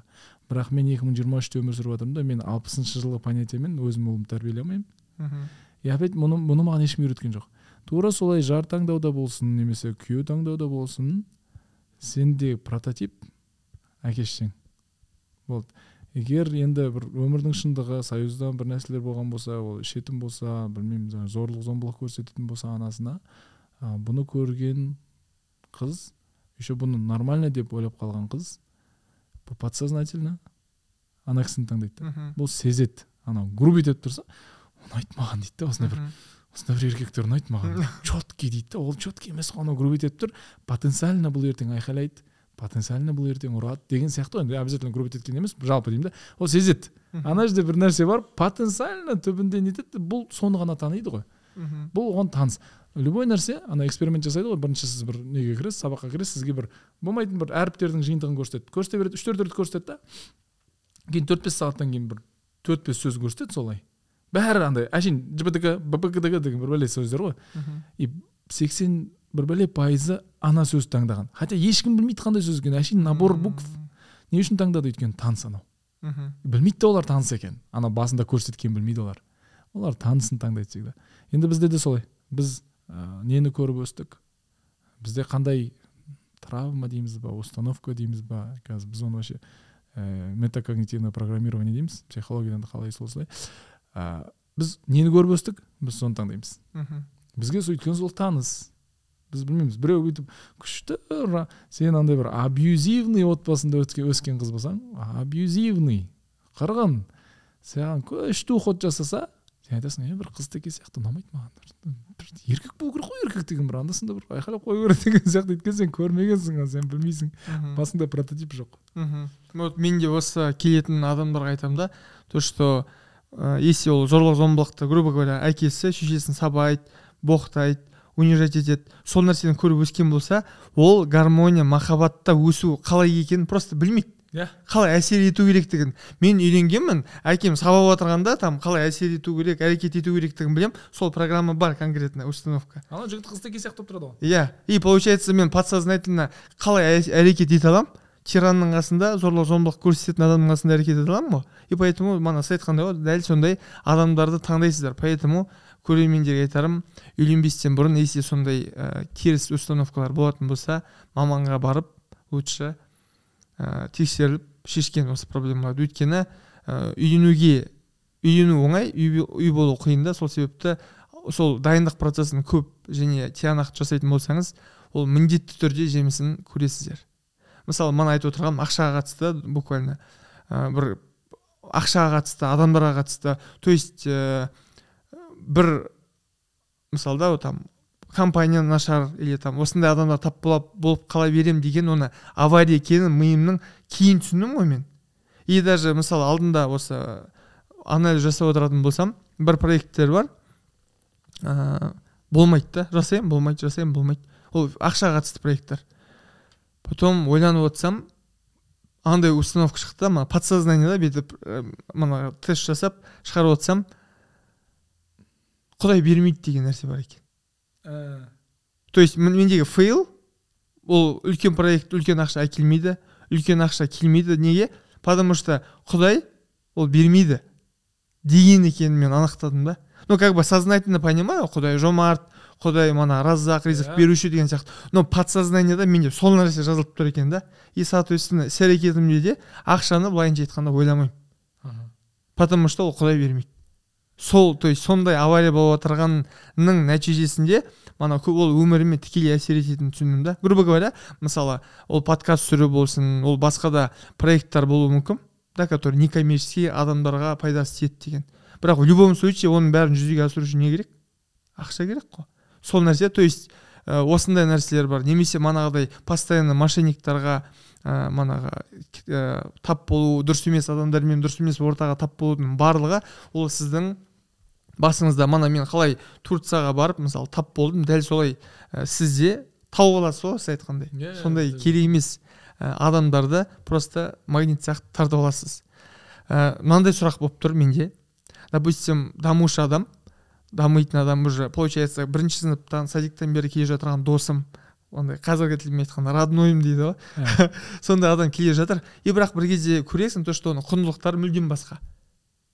И сонда мен қалай мен бірінші класстан бері сөйлесіп келе жатырған досыммен сөйлеспей қаламын деген вот сондай бір көбінде осындай қорқыныш бар да. Вот сол нәрсе сөйлеспей қалу керек па не істеу керек? Соны мнение мана ойыңызды айтыңызшы Иә, осыған иә. қатысты менің ойымда былай. Роль роль шатастыру үлкен проблема. Роль шатастыру. Кейбір кезде күйеуі келіншегіне братан болып кетеді. Мхм. Ә, баған болып кетеді немесе ә, мен тәрбиелеймін мен өсіремін ә, кеше ғана астанада бір досыммен кездестім. Досым оқушым кейін досым болып кеткен. Ә, и айтады да үйленейін деп жүр. Маған 18 жасар қыз керек дейді да мен айтамын неге өйттің? деймін. Енді во первых 18 жасар қыз жаман емес. Бұл бәрі дін бойынша бола ма? Болады иә, үйленуге. Ә, заң бойынша бола ма? Әрине болады. Болды иә проблема жоқ. Не үшін. Қызық мәселе сода не үшін 18 өзім тәрбиелеймін дейді. Мм. сен қайдан білесің күшті тәрбиелейтінін? Қанша қыз тәрбиелеп шықтың осы уақытқа дейін? Иә жиырма үште иә мысалы. Қанша қыз тәрбиелеп шықтың? Күледі еще жиырма үште. Иә жиырма үште. Өзім тәрбиелеймін. Бастан четкий өзімнің ә, принциптарыммен тәрбиелеймін дейді да. Вообще авария ғой. Бірінші сен әйеліңе тәрбиеші бола алмайсың ғой. Болуға болмайды да. Біз еркекпіз. Біз әйел адам ешқашан тәрбиелеп көрген жоқпыз. Ертең мен бір үш қызым болса мен үш қызым тәрбиелеп өсіріп күшті андай жаңағы инабатты ибалы қыздар өсіріп кейін мен может быть тәрбиелей аламын да қызды. А қателік иә үйлене салып тәрбиелеймін деген сияқты. Вот сен тәрбиеші емессің сен күйеусің. Құдай қосқан исламда шарттар бар. Ислам бойынша саған мойынсыну керек тақырыптар бар оның. Иә мысалы нәпіл ораза ұстайтын болса рұқсат сұрайды деген сияқты иә там иә ескертеді сондай сондай нәрселер бар. Парызға емес бірақ. Парыз үшін ештеңе рұқсат сұрамайды. Алланың несі бар? Заң бойынша дін бойынша бір шарттар бар. Одан артығына сен араласпайсың. Енді роль шатасқан кезде мен оған әке болып кетсем мен оған братан болып кетсем казалось бы ештеңе жоқ. Бірақ менде мынандай кейс болды. Сөйлесем айтады да мен жақындықтан ләззат ала алмаймын дейді да. Түнгі өмір болсын не болсын жақындықтан ләззат ала алмаймын. Даже дискомфортно чуть чуть ол қалай кейін мен оны табиғат ағаның ба или төребек ағаның ба семинарынан естідім. Сен подсознательно ана кісіні сен уже білмеймін ағам деп тұрсың немесе әкем деп тұрсың. И сен онымен жақындай алмайсың. Физикалық тұрғыдан болуы мүмкін бірақ подсознательно сенде не бар отторжение бар. Мхм и бұл ақырындап ақырындап жиналып жиналып келіп бір күні бұл бір жерден шығады да ол. Бір күні бір айқай шу болады бір не болады. И осы рольді шатастыруда көп проблема роль. Ә, үйге бара жатасыз кешке қарай мен өзім осылай практиковать етемін лифттан шығып өйтіп есіктің алдына келгенде өзіме сұрақ сұраймын да. Бір бес секундтық әңгіме ғой азамат мен қазір кіммін? Мен ролім кім? Менің ролім қазір әке. Бастық емес. Тонкий мәселе. Казалось бы и бастық қой әке. Нет бастық емес. Ол әке әке не істейді? Шартсыз жақсы көреді. Шартсыз мейірім бар оның. Менің ұлым үй жұмысын жасаса ғана жақсы көремін деген идея жоқ қой. Менің ұлым үйді тап таза болып отырса ғана мен жақсы көремін деген идея жоқ қой. Бірақ бастықта ондай идея болуы мүмкін. Бастықта. И мен әкемін мен күйеумін күйеу не істейді? Күйеу уже бастық емес. То есть иә сенің бір артықшылықтарың бар. Ислами тұрғыдан. Артықшылықтар дегенде саған берілген бір жауапкершіліктерің бар. Бірақ артық не емес ол бастық емес. Осы рольді шатастырмау керек. Роль шатасқан кезде ар жағында көп нәрсе өзгеріп кетеді. Енді осы достың рөлі қандай? Достың рөлі тотальный қабылдау ғой. Мен досым ба? Мен қабылдаймын. Мен шартым жоқ. Иә досым начитанный болсын мен досым проработанный болсын сепарированный болсын. Ол ол желательно на подкаблук болмасын деген сияқты мен тотальный қабылдау бар и всегда қолдау бар. Достықтың ролінде сол бар. Всегда қолдау ана бір рилс жүр ғой анау американский кино. Досы келеді да анау кино көріп жатса есікті ашады да. Салам дейді айтады. Бір жерге баруымыз керек. Біреулер таяқ жейді и сен сұрай алмайсың не үшін екенін дейді да дос тұрады да кімнің машинасымен барамыз? дейді да болды да оған кім тұрамыз не үшін ұрамыз деген сұрақ жоқ. Кім машинасымен барамыз дейді да атақты бір рилс жүр ғой сондай и дос осы. И мен мынандай бір оқиға болған досым енді ажырасу жаман ғой исламда да жаман жалпы. Бірақ кейбір уақытта енді оқиға солай болады енді иә. Әрине бәріміз құдай сақтасын. А, дегенмен ажырасатын болып жатыр мен досыммен барып сөйлестім да. Бірақ дос ретінде емес мен наставник барып болып сөйлестім да онымен ше е бауырым исламда былай. Е ертең анау бала шағаң не болады? Анау болады ойлансайшы. Тік тік тік. Жақсы нәрселер. Бірақ мен қазір анализ жасасам мойындаймын. Мен оған дос ретінде емес. Мен оған братан болғым келіп тұр. Андай ақылшы. Бірақ сен бірге сабақтан қашқансың бірге білмеймін сабаққа ұйықтап қалғансың. Анаусын мынаусын сен никак ақылшы емессің да оған. Ол сұраса бола аласың. Кстати ол айтса е бауырым айтшы мен вообще шатасып кеттім десе иә айт өзің оның қалауынсың айтпа. И сөйтіп барып келіншегімен сөйлесемін айтамын е қойсаңдаршы анау мынау деймін бұл жақсы нәрсе әрине мен сөйлеспеу керек деп айтып жатқан жоқпын. Бірақ мен сол уақыттағы рөлімді дұрыс емес ақыры енді ажырасты и біреудің отбасын сен білмейсің. Біле алмайсың отбасында не болып жатқанын ше яғни кейбір уақытта енді білмеймін ғой ә, кейбір оқиғалар даже дұрыс та шығар болғаны ше. И кейін ол досыммен өте жақын досым біраз уақыт араласпай кеттік. Араласпағанда қалай? Бір сәті келмей кетті. Бір сәті келмей кетті. Мен бір ана бір ыыы жаңағы ақша таба бастадым жаңағы кәсіп деген сияқты. Анау болды мынау болды бір біраз уақыттан кейін білмеймін жеті сегіз айдан кейін бір кездесіп қалдық. Бір жерде шай іштік. Сол әңгімелестім енді мен мына роль моль дегенді зерттеп алған адаммын. Бұл екінші рет үйленген и сол әңгіме әңгіме қалай айтсам бұл ашылмайды да бір андай. Е нормально нормально шүкір жұмыс анау мынау деп сонымен бір кезде тұрып отбасы қалай десем е ажырасамын ау деймін дейді да екінші рет иә екінші рет сосын мен тұрдым да а дедім и ол бүйтіп бір нәрсе айтады деп күтіп тұр ғой мені ше сенің тарапыңдамын ғой дедім да не істесең де за тебя деген әңгіме ғой я с тобой деген әңгіме ғой сенің тарапыңдамын деп бүйтіп қарап қалды да е сен маған қазір нотация оқымайсың ба не дейді да. Е жоқ ей сен шешімің болса енді ересек еркексің ғой енді. Деп күлдім да сөйтсем мә бір адам бір нәрсе айтайын ба дейді да не болып қалды? Мә мен сенен қашып жүрмін ғой білесің ба? дейді да «Ә, керек емес жерде пихать ете бересің ғой? дейді да мен сенен ақыл сұрамасам да нете беретін едің ғой? дейді да мына сөзің маған кәдімгідей ұнады дейді да сен менің тарапымда болғаның болды маған сол керек қой дейді маған ұстаз керек жоқ мен ұстаз тауып аламын ғой керек болса дейді да мә мен ана жерде кәдімгідей ойланып қалдым. Енді ә, достың рөлі дос болу. Ол сенің бизнес партнерің емес. Ол сенің білмеймін ә, бизнес партнерің бола алады. Бірақ бизнес партнер болған күннің өзінде достық рөлі бөлек оның бизнес партнер рөлі бөлек. Енді бизнес партнерлерінде ол сені лақтырып кете алуы мүмкін. Лақтырып кетсе де сен дос болып қала алуың керек. Окей мен сенімен енді бизнес жасамаймын бірақ родноймыз ғой ты че деген сияқты. Болды. Мм. Иә мен да бір ұстазым бар ол айтады да менің досым екі миллион долларға лақтырды дейді да. Екі миллион доллар ғой. Ә, әлі доспын дейді. Мықты доспыз дейді. Просто онымен бизнес жасамаймын дейді да. Ол маған екі миллион долларлық сабақ берді дейді мм. Сондай андай енді бір орта дамимыз анау мынау ол деген ана бәрін үстіне сызып тастап ешкіммен араласпай қой деген сөз емес. Дос ол дос.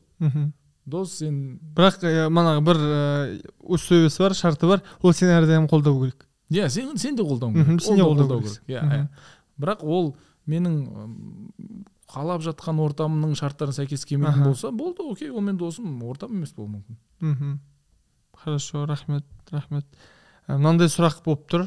Манағы дос ә, мысалы грубо говоря ә, дәреже жағынан развитие жағынан өзгеше болуы мүмкін. Немесе қаладан ә, алматы шағын қаладан үлкен алматы астана көшу болуы мүмкін. Ә, тағы не болуы мүмкін? Сондай нәрсе зона комфорта болсын да отыр адам кеткісі келіп тұрған жоқ бәрі как бы устраивает. Бәрі күшті болып тұр да. Сол и бірақ осознание келіп тұр то что мен қазір зона комфорттамын бір орында тұрып қалдым. Вот осыдан шығу үшін осознанно шығу үшін не істеу керек? Зона комфортадан шығу иә осознанно мен вот мен түсініп тұрмын бір орында тұрып қалдым уже үш жыл болды бір жерде тұрмын. Бәрі керемет как бы устраивает. Но бірақ бұл не предел екенін түсініп тұрмын. Иә иә иә дальше не істеу керек вот осознанно шығу үшін өзіңді итермелеу үшін. Иә. не ұсынар едіңіз? Андай бір ә, не жүр ғой қазір? Егер сенің өміріңде бәрі комфортно болса сен бәрін под контролем ұстап жатсаң онда сен өзіңнің максимально жете алатын жылдамдығыңа жетпедің деген сөз дейді. Өйткені иә мысалы көлік айдап келе жатқанда бәрі комфортно болса енді бір алпыспен жүрсең трассада автобанда. Конечно бәрі комфортно. Шаршамайсың да нетпейсің да ойланбайсың да. Бірақ сенің машинаң үш жүзбен жүре алады деген сияқты. Ондай мүмкіндік бар. Біріншіден ә, бұл потенциалдың бар екенін сену. Мгм. менде потенциал бар. Ыыы бұндай мүмкіндік маған берілген. Істеу. Екіншіден анау қорқынышты интереске ауыстыра алу ғой бағанағы Мгм. маған интересно өйткені ол өте қорқынышты. Біздің ми үшін ыыы ол өзін аман сақтап қалу мені мына мына денені аман сақтап қалу миссиясы. Любой мен танымайтын жер бұл үшін рискованно ол солай болу керек әйтпесе біз өліп қалатын едік бәріміз. А, ол солай болу да керек. Бұл любой э, ескі азаматтың істеп жүрген нәрсесінен сәл өзгеше нәрсені істейін десе ми айтады? Қой ей ей қадалып қаласың зачем сен? Рисковать етіп керегі жоқ тыныш қана жүре берсейші бәрі жақсы наның бар отбасың бар үйің бар болды ғой не керек саған? деген сияқты айтады. Өйткені анау зона қорқынышты. Өйткені не үшін қорқынышты өйткені мен оны білмеймін. Просто білмеймін. Кішкентай балаңмен мысалы плейстейшн ойнасаң кейбір ойындарда балаң жеңіп кетеді ғой сені. Бірінші рет бір ойын болса елестетейік бірінші рет ойнап жатқан ойын мен ойнамағанмын ешқашан. Бірақ балам уже бір ай ойнап жүр. Бірге ойнаймыз мені айырып жібереді разница неде? Разница просто балам ол ойынды көрген да өтіп көрген болды. Уже қорықпайды. А мен ешқашан көрмегенмін мен қорқамын. Бірақ это не значит что мен ол ойынды ешқашан ойнай алмаймын деген сияқты. Тура сол өмірде де жаңағы білмеймін сен бизнесті ойын деп қарасаң сен ол ойынды просто көрген жоқсың. Бір екі рет көресің и ол уже үйреншікті болады. Бірақ зона комфортадан шығу қорқынышты болады просто қорқынышты жеңу шығар. Мгм. қорқынышты жеңу қызығушылықпен жеңе аламын маған қызық жасап көрейінші көрейінші осыны деп. И жаңағы ә, сенің отбасыңнан там миллионер шығу шықпаған болуы мүмкін әулетіңнен бірақ сенің миллионер болуың шарт деп айтатын еді жаңағы. Бірінші болып шықсайшы деп ше. И әулеттің бір ұстанымдары болуы мүмкін да. Мынандай нәрсе ести, мен еститінмін жаңағы. Ей біздің әулетте ондай болмаған балам. Ондай оңай ақша немесе бір нәрсе деген ондай жоқ бізде деп ше. Біз өз бәріміз маңдай терімізбен табатынбыз деген сөз мен мысалы мен оны естігемін да ол сөздерді. И ә, алдында ә, кітап шығып типографиядан басында командам жоқ ол кезде. И типографияға барып ана қалаларға ә, индрайверден такси шақырып жіберіп жатырмын да. И анау қара тер болып кітаптар тасып жүрмін да. Пачка пачка жаңағы машина келеді соған саламыз бес пачка он пачка. И сөйтіп и іштей байқасам мен қуанып жүрмін да. Неге деймін? Ана терлеп ақша тауып жүрмін деген идея ғой ше терлеп қиналып ақша тауып жүрмін деген идея ғой вот значит менде бір ұстаным бар да сен қиналып ақша табуың керек ол қайдан келеді жаңағы біздің әулетте ондай оңай ақша анау мынау деген болмаған деген сияқты енді әулеттен біреу бүйтіп ақырындап бір оңға қарай бұрылып шығып кетеді да содан кейін арттағылар е ә, мынандай эксперимент болады бір ауылда көп боксер шығады көп боксер шығады бізде оңтүстікте қызылордада бір ауыл бар ә, өте көп боксер шыққан сол ауылдан енді ә, табиғи түрде ол ауылдың бір ерекшелігі жоқ қой жаңағы мысалы бір шымкенттегі немесе білмеймін бір астанадағы немесе бір атыраудағы бір ауылдан бір ерекшелік жоқ. Ол жердегі жігіттер туаласып мықты болып туыла ма ондай емес қой. Бір ғана ерекшелік бар. Біздің ауылдан пәленше деген боксер шыққан чемпион казахстана. Кішкентай балалар айтады оказывается болады екен ғой дейді. Мен де сондай боламын дейді да. Вот осы сенім өзгертеді. Сенсе болды.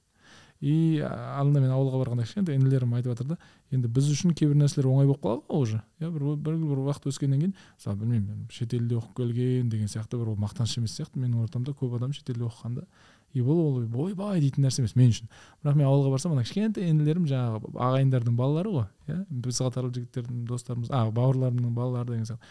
Ола көке деген ол деген европада оқыған мен де сондай боламын дейді да мысалы. Е мен ойлап көремін да менде ондай прототип болған жоқ бірақ шүкір мынада прототип бар ғой деймін да. Е мен үшін ол невозможно нәрсе болып көрінді оқушы кезде. Е ты че? Сен қазақ? Деп. Енді көп қой әрине. А анау үшін сен бір прототип жасап бердің. Иә ол сен үшін крутой прототип болмауы мүмкін бірақ ол үшін ол уже жұлдыз да анау. Ол иншаллах одан да асып кетеді. Бірақ хотя бы әулеттен біреу жол көрсеткен болса күшті. Мгм. сол үшін зона комфортадан шығып сен бір поворот жасауың керек. Өйткені жауапкершілік бар. Сен бол дейсіз ғой сол адам иә иә. Мен ыыы ауылда оқыдым мына төртінші сыныпқа дейін. Кейін қалаға көштім бесінші алтыншы сынып мектеп интернатта оқыдым. Сосын одан кейін мына қазақ түрік лицейіне көштім. И сол жерде жүргенде адамдар там проектпен олимпиадамен там бразилияға барады европаға барады америкаға барады. Сол уақытта андай болды ғой. То есть ауылда жүрген уақытта максимум максимум алматы астана еді. Анау ойламайсың даже андай. Рұқсат бермейсің даже. А мана оқушылардың қасында жүрген адамдардың бразилия америкаға европаға барып жатқанын көрген уақытта типа так можно было? деген сұрақ қой. И көресің оқуға түсіп жатыр. Уже мана потолок стеклянный потолок сынды ғой. Оказывается болады екен. Типа былайынша айтқанда ол тек қана кинода емес шын өмірде де жасалынып жатқан нәрсе. И ол бірге оқып жүрген адам ғой деген уже кетті ғой сол түсінік. Иә потом уже он он бір оқып жүрген уақытта мана бұрынғы класстастарыма достарыма сұраймын. Маған всегда қызық болды да не істегің келеді қайда барасың? деп. Көбінің айтатын мен өзім оралданмын да оралға түсемін дейді көбінің айтатыны. Там максимум озат болғандары ғана алматы астана деп айтуы мүмкін да. Или ақшасы барлар болды. А шетел туралы біреу де ойламайды мана сіз айтқандай нәрсе ғой. Иә көрсеткіш жоқ прототип жоқ. Мхм. Мен ана екі мың он бесте ыыы ана екінші болма шыққан кезде мен ойлағанмын е мое қазақ кітап жазды ғой деп ше андай. Енді қандай кітап? Енді біз оқып жүрміз ғой жаңағы иә там богатый папа бедный папа самый богатый человек в вавилоне деген сияқты нәрселер оқып жүрміз ғой. Ол бір роберт киосаки или анау или американец или бір нәрсе. Ойбай ана бір алыстағы адамдар ғой. А тура сол бір недегі жанрдағы кітап бизнес литература бизнес литература қазақша шыққанда мен и ойладым е мое мен де жазамын деп ше. А оған дейін менде ойда болмаған. Ойда болмаған. Ол қуаныш мырзаның сондай бір ыыы новаторствосы бар. Бәрін сөйтіп алдында істеп жүреді. Мен осы саморазвитие самопознание дейді өзін өзін танумен айналысып жүрген уақытта галап тапсырдым. Сол уақытта ыыы бір кісіге бардым да қазбек деген. Сол кісіге барып ә, разбор жасап жатқан уақытта мен, менде инпут та ең бірінші. Көп нәрсе жинаймын и сол себепті бөліскім келеді екінші лернер получается. Ол вообще күшті. Екеуі анау ғалым болатын талант қой Иә, былай иә, екеуі иә. қосылғанда и сөйтіп жүрдім де и маған айтады да и подкаст ашып мана бөліс деген сияқты. Мен даже андай ол туралы не представлял что то там алыстағы бір нәрсе ретінде өзіме даже мысленно рұқсат бермейтінмін. И кейін ойлана келе и мына айтатын нәрсе көп. Бөлісетін білім де көп. Неге осылай бөліспеске қонақтардың манағы мнениесін алу арқылы және өзіңнің қосқың келетін нәрселер деп? И қазір ойлап отырсаң былайынша айтқанда любой нәрсе опять-таки бағанағы ойдан келеді ғой. Ойыңа Иә. өзіңнен рұқсат беруден. Иә иә иә. Енді сізді көрген бір ініңіз біреулер е біздің братан андай немесе бір ауылда бір досыңыз танысыңыз айтады да е жәке жүр ғой дейді. Да жасайықшы біз де дейді. И менің менің ойымша қазір контентке қатысты ә, өте көп айту керек сияқты. Мен ай- былай айтамын ғой айтары барлар айту керек та. Өйткені мынандай ой болуы мүмкін да адамда. Е мені кім тыңдайды деп. И тем более менің айтып жатқанымды бәрі біледі ғой деп. Жоқ білмейтін бір адамға пайдасы тисе болды супер миссия орындалды бір ақ адам болсыншы пайдасы тисінші миссия орындалды ол жерде бір атақты болып кету болмаса да ше. И осындай ә, айтары барлар айту керек. Себебі айтары барлар айтпай жүргені үшін айтары жоқ бірақ көрсетері бар. Кейбір адамдар көрсетіп кетуі мүмкін да. Ана күліп айтамын ғой енді бірақ дегенмен бір ащы шындық кішкене. Иә. Согласен. Мысалы ыыы андай миллионник блогерлар бар грубо говоря. Жасағандары там ол рилс болсын да өте ақылға қонымсыз андай мән мағынасы жоқ нәрсе болуы мүмкін да. Мана сіз айтқандай ғой. Бірақ адамдар өліп қарайды. И соответственно лучше заменить ғой былайынша айтқанда өзіңіз айтқандай Ал- альтернатива ұсыну альтернатива ұсыну иә заменить ету өйткені ана кісілер қызық қой Ә, мына нәрсе ойыма келіп тұр вот касательно саморазвития деген сияқты ғой Ә, университет оқиды кейін түсініп жатады да мен осы оқыған нәрсе маған ұнамайды екен оказывается.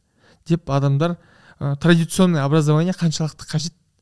Осы нәрсені төрт жыл оқу немесе оқымау. Керек па керек емес па мен оны специализация қазір мысалы деген ә, гуглдың программалары бар да а- обучающий. Ол алты айлық бір жылдық программалар. Мысалы IT специалист деген сондай специализация бар. Оқисың алты ай там сегіз ай оқисың бітіргеннен кейін полноценный мекемелерге жұмысқа тұра аласың.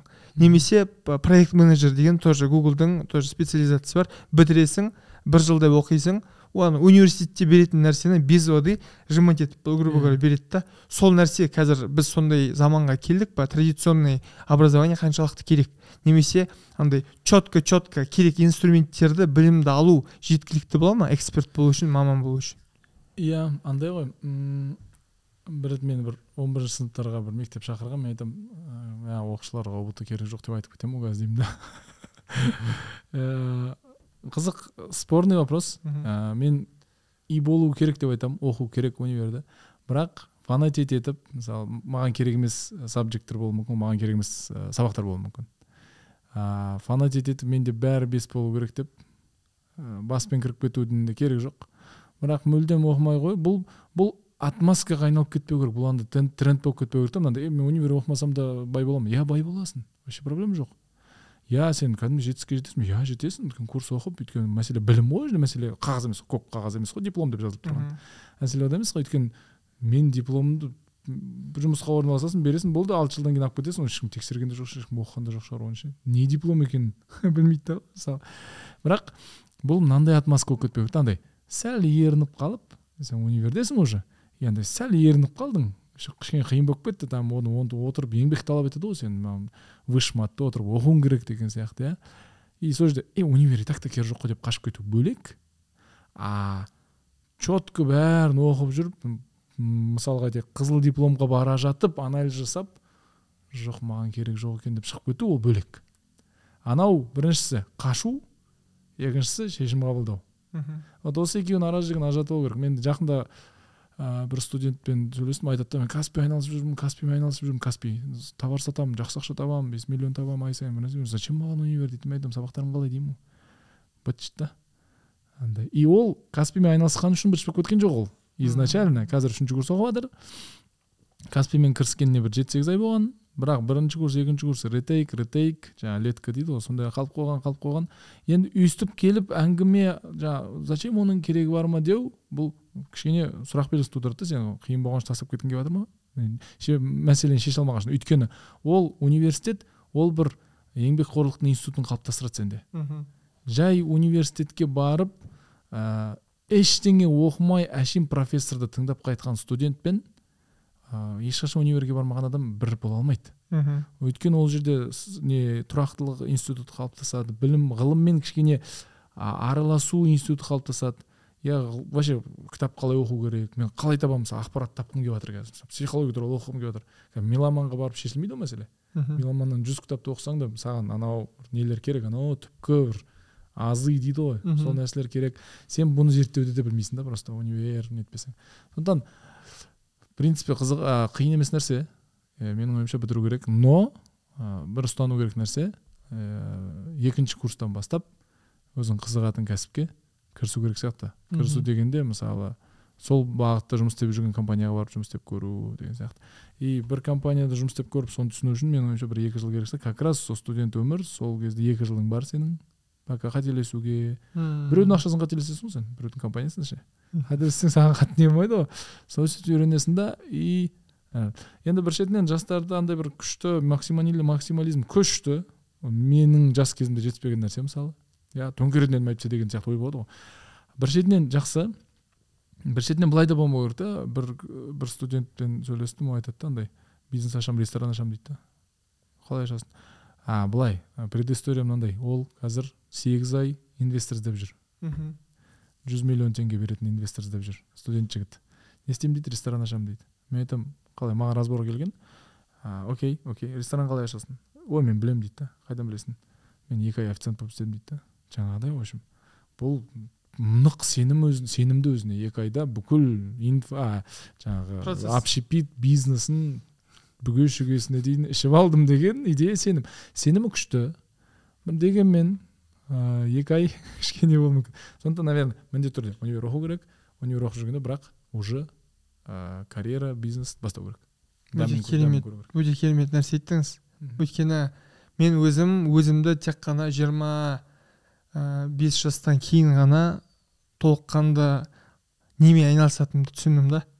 Вот сіз неше жасыңызда түсіндіңіз вообще. Мен осы по жизни осы нәрсемен айналысқым келеді. Осы бағытта деген қа- қашан келді сізде ол? жиырма тоғыз отыз ау деймін жиырма тоғыз отыз жасында шығар.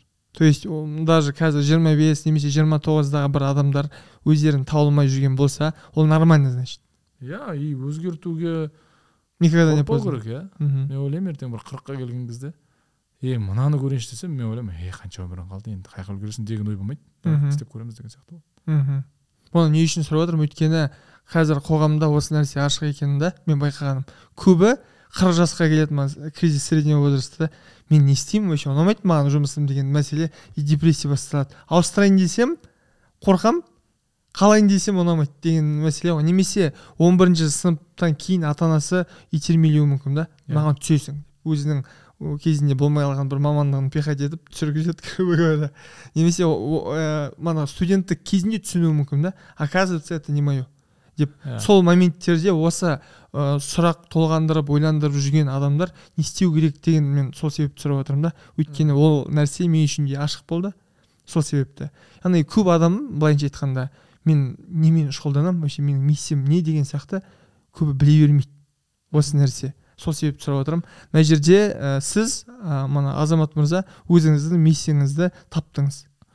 Иә и Солай айтуға бола ма? Вот азамат мырза азамат скаков өзінің миссиясын өмірлік миссиясын анықтады. Осы бағытта осылай адамдарға көмектескісі келеді екен деп айта аламыз ба? Иә ағартушылық бағыты бұл дәу бір бағыт. Бірақ оның ішінде де миллион ветка бар да. Там психологиямен көмектесесің ба коучингпен көмектесесің ба ұстаз боласың ба барып ментор боласың ба наставник боласың ба. Мен қазір коучинг бағытында жүрмін осы уақытқа дейін тоғыз жыл педагогика бағытында жүрдім. Енді қазір коучинг бағытына көштім. Екі үш жылдан кейін бір мықты бір методика шықса оны да көрер едім. Мхм. Көріп ол қалай болады екен давай қосайық деген сияқты. Мысалы мен қазір ә, бір ә, частный мектеп маған шықты да ұстаздарға коучингті оқытшы деп. Айттым алты ай и именно оныншы он бірінші сыныптың алты ұстазына сен маған ақшаңды төлеймін дейді. Сен коучинг оқыт дейді. Себебі мына оныншы он бірінші сыныптарға педагогиканы коучингпен берсін дейді күшті. Керемет қой керемет частный мектеп шығар. Иә частный мектеп қой. Осы ә, нәрселер бір біріне қосып жүре береміз. Бірақ бастапқы бағыт бар ғой сол. Ағарту бір нәрсе. Ә, ол дәу бір өзен. Бірақ оның ішінде де бір нелер бар ғой ағыстар бар ғой. Жүре береді. Мен ә, менде мынандай болды да өзім юридический бітірдім сол уақытта екінші курста андай болды андай комитетчик боламын деген болды. Прокурор боламын деп сөйтіп жүрдім. И екінші курста мен ә, сотқа бардым азаматтық сотқа. Ең көп тоқсан процент келетін арыз заявление ажырасу ғой сондай болды. Потом мына іштегі системаны көремін. Адамдар ә, практика өткен уақытта студенттер бар келмейді да практикаға. Олар ана практиканы грубо говоря жапқанда ана канцель не отдел кадрға печать қоятын сол кісі практика өтті деген зат беретін болды пара беретін болды там. Неше түрлі грузить етіп жібереді сөйтіп студенттер әкеліп жүрді практикадан өтті деген печатьті алу үшін. Сосын манағы судьялар бар оны сол нәрсені көргенде манағы адамдардың құндылықтары система маған ұнаған жоқ. Мен айттым бұл жерде мен андай бір нәрсенің дұрыс емес болса мен бұғып үндемей жүре алмаймын да мен обязательно айтамын тиісемін сондай болады и соответственно ондай адам ешкімге ұнамайды yeah. Иә. конфликт болады либо өспейсің либо шіріп тебя подставят кетіп иә. қаласың деген болды да и мен ә, бас тарттым бұл нәрседен и манағы айтып отырғаным сол да то есть мен кейбір нәрселерді уже студенттік кезінде практика кезінде уже осознал иә. То что келеді келмейді деген нәрсе да? вот күшті ғой. Сіз уже процесске кірдіңіз ғой. Иә иә сіз мысалы төрт жыл түк қатыспай бітіріп алсаңыз сосын кірсеңіз уже ол кезде сіздер мынандай болуы мүмкін. Мә мен төрт жыл жұмсадым ғой тыныш жүре берейікші деген сияқты. Құрсын бір нәрсесі болады деген сияқты. Сіз уже процесс кіргенде сіз көрдіңіз. Соны мысал ретінде айтып жатырмын иә. Көрермендерге поэтому лучше студент кезінде протестить соны көрген деген да. Және тағы бір нәрсе бар. Мен көрермендерге айтқым келетін. Мына ыыы гарвард бизнес ревью деген өте мықты кітап журнал бар. Соның ә, статьялардың жиынтығын жасайды да. Сонда айтады да мен ортаны вообще қалай таңдаймын? дейді да жұмыс ортасын. Сол уақытта бір профессор мына екі нәрсені ұсынады. Біріншісі дейді анықтап ал дейді какой мой минимум? дейді да маған айлық өмір сүруге жететін комфортты өмір сүруге жететін ақша қандай керек? дейді. Ол бірінші сұрақ дейді. Екінші мен жұмыс жасайтын орын менің миссиямды мақсатымды орындауға қолайлы орта ма дейді да. Яғни бастық семинарға жібере ма манағы сенің коллегаларың тоже дамушы ма қандай? Если сол осы екі пункт бойынша сәйкес келіп тұрса ол идеальный орта дейді да. Сенің сол жерде комфортно өсіп дамуыңа дейді. И мен сол себепті мұғалім болсын басқа там ол не органда істеп жүрген адамдар болсын айтамын да сіздер жаловаться етіп жүрмеңіздер деймін да. Осы екі сұрақ сізге кәдімгі мықты инструмент болады. И можете отфильтровать. Сәйкес келе ма келмей ма. Мысалы мұғалім делік та біз курс береміз деп айтайық қой. Сол уақытта ол ә, директор курстарға жүрмеуі мүмкін. Оқытпауы мүмкін. Тупо езе береді езе береді например. Сондай болады да ондай өте безберекетсіз. Сондай болуы мүмкін. Ондай орта болса көп мүмкіндік көп қой. Частный мектеп бар образовательный мана центрлар бар өзің аш немесе то есть өзіңе именно қандай идеальный орта керек сол нәрсені таңдаңыз деп айтамын да мен. То есть бұл өмір андай недовольный болып бақытсыз болып жүретін өмір то есть слишком қысқа деймін да ол нәрсе үшін. Иә жертва болу үшін. Иә жертва болу үшін то есть тек қана қиналатын өзіңіз сол себепті. Мына нәрсені сұрағым келіп тұр сізден. Миссия мен мақсаттың айырмашылығы бар ма? Қандай немесе болатын болса екеуін анықтама беріңізші. Менің қалай түсінесіз? ойымша миссия бір андай бір ұзақ мерзімді түбінде баратын жер. Миссия менің. Жол. А мақсат сол жолдағы кіші кіші жетістіктер. Мысалы ана марафон жүгіріп бара жатқанда әр километр сайын мысалы үш километрде бір табличка тұрады. Үш деген. Сен мақсатың үшке жету еді тың жеттің болды кеттік бірақ миссия марафон жүгіріп өту. И сен көп мақсатқа жетуің мүмкін. Ыыы бірақ миссияң соңына дейін апармасаң бәрібір бір нәрсе жетіспей қалады. Мысалы мен айтамын сен қырық бір километр жүгіріп тастап кетсең сен марафоншы емессің. Қырық екіде екі ғана марафоншы да. Сен қырық екі километр жүгіріп келіп соңғы екі жүз метр қалған кезде қойшы деп тастап кеттің ба сен марафоншы емессің. И наверное миссия сондай бір нәрсе сені жетелеу керек. И менің мен бүйтіп айтар едім өмірдің соңына дейін ол сол. Сен сол соңына дейін жетелеу керек сені а ортада мақсаттарға жете бересің. Мақсат болады. Тыңк тыңк тыңк мынандай сұрақ болып тұр сіздің айтқаныңыздан. Миссия деген ол менің өмірім аяқталған уақытта тоже примерно сол галочка қойылу керек па? Или мен бұл миссияның бір белгілі бір отрезкісі боламын ба? Мен отрезкісі деп айтар едім. Өйткені ана өзіңді іздеу өзіңді зерттеу там даму бітпейтін нәрсе. Сен ертең мен бүйтіп айта алмас едім азамат сен коучингтің шыңына жеттің болды енді жоқ ол наверное алпыс жас тоқсан жасқа іздеп іздеп жүріп сол күйі даму үстінде қайтыс болып кететін сияқтысың.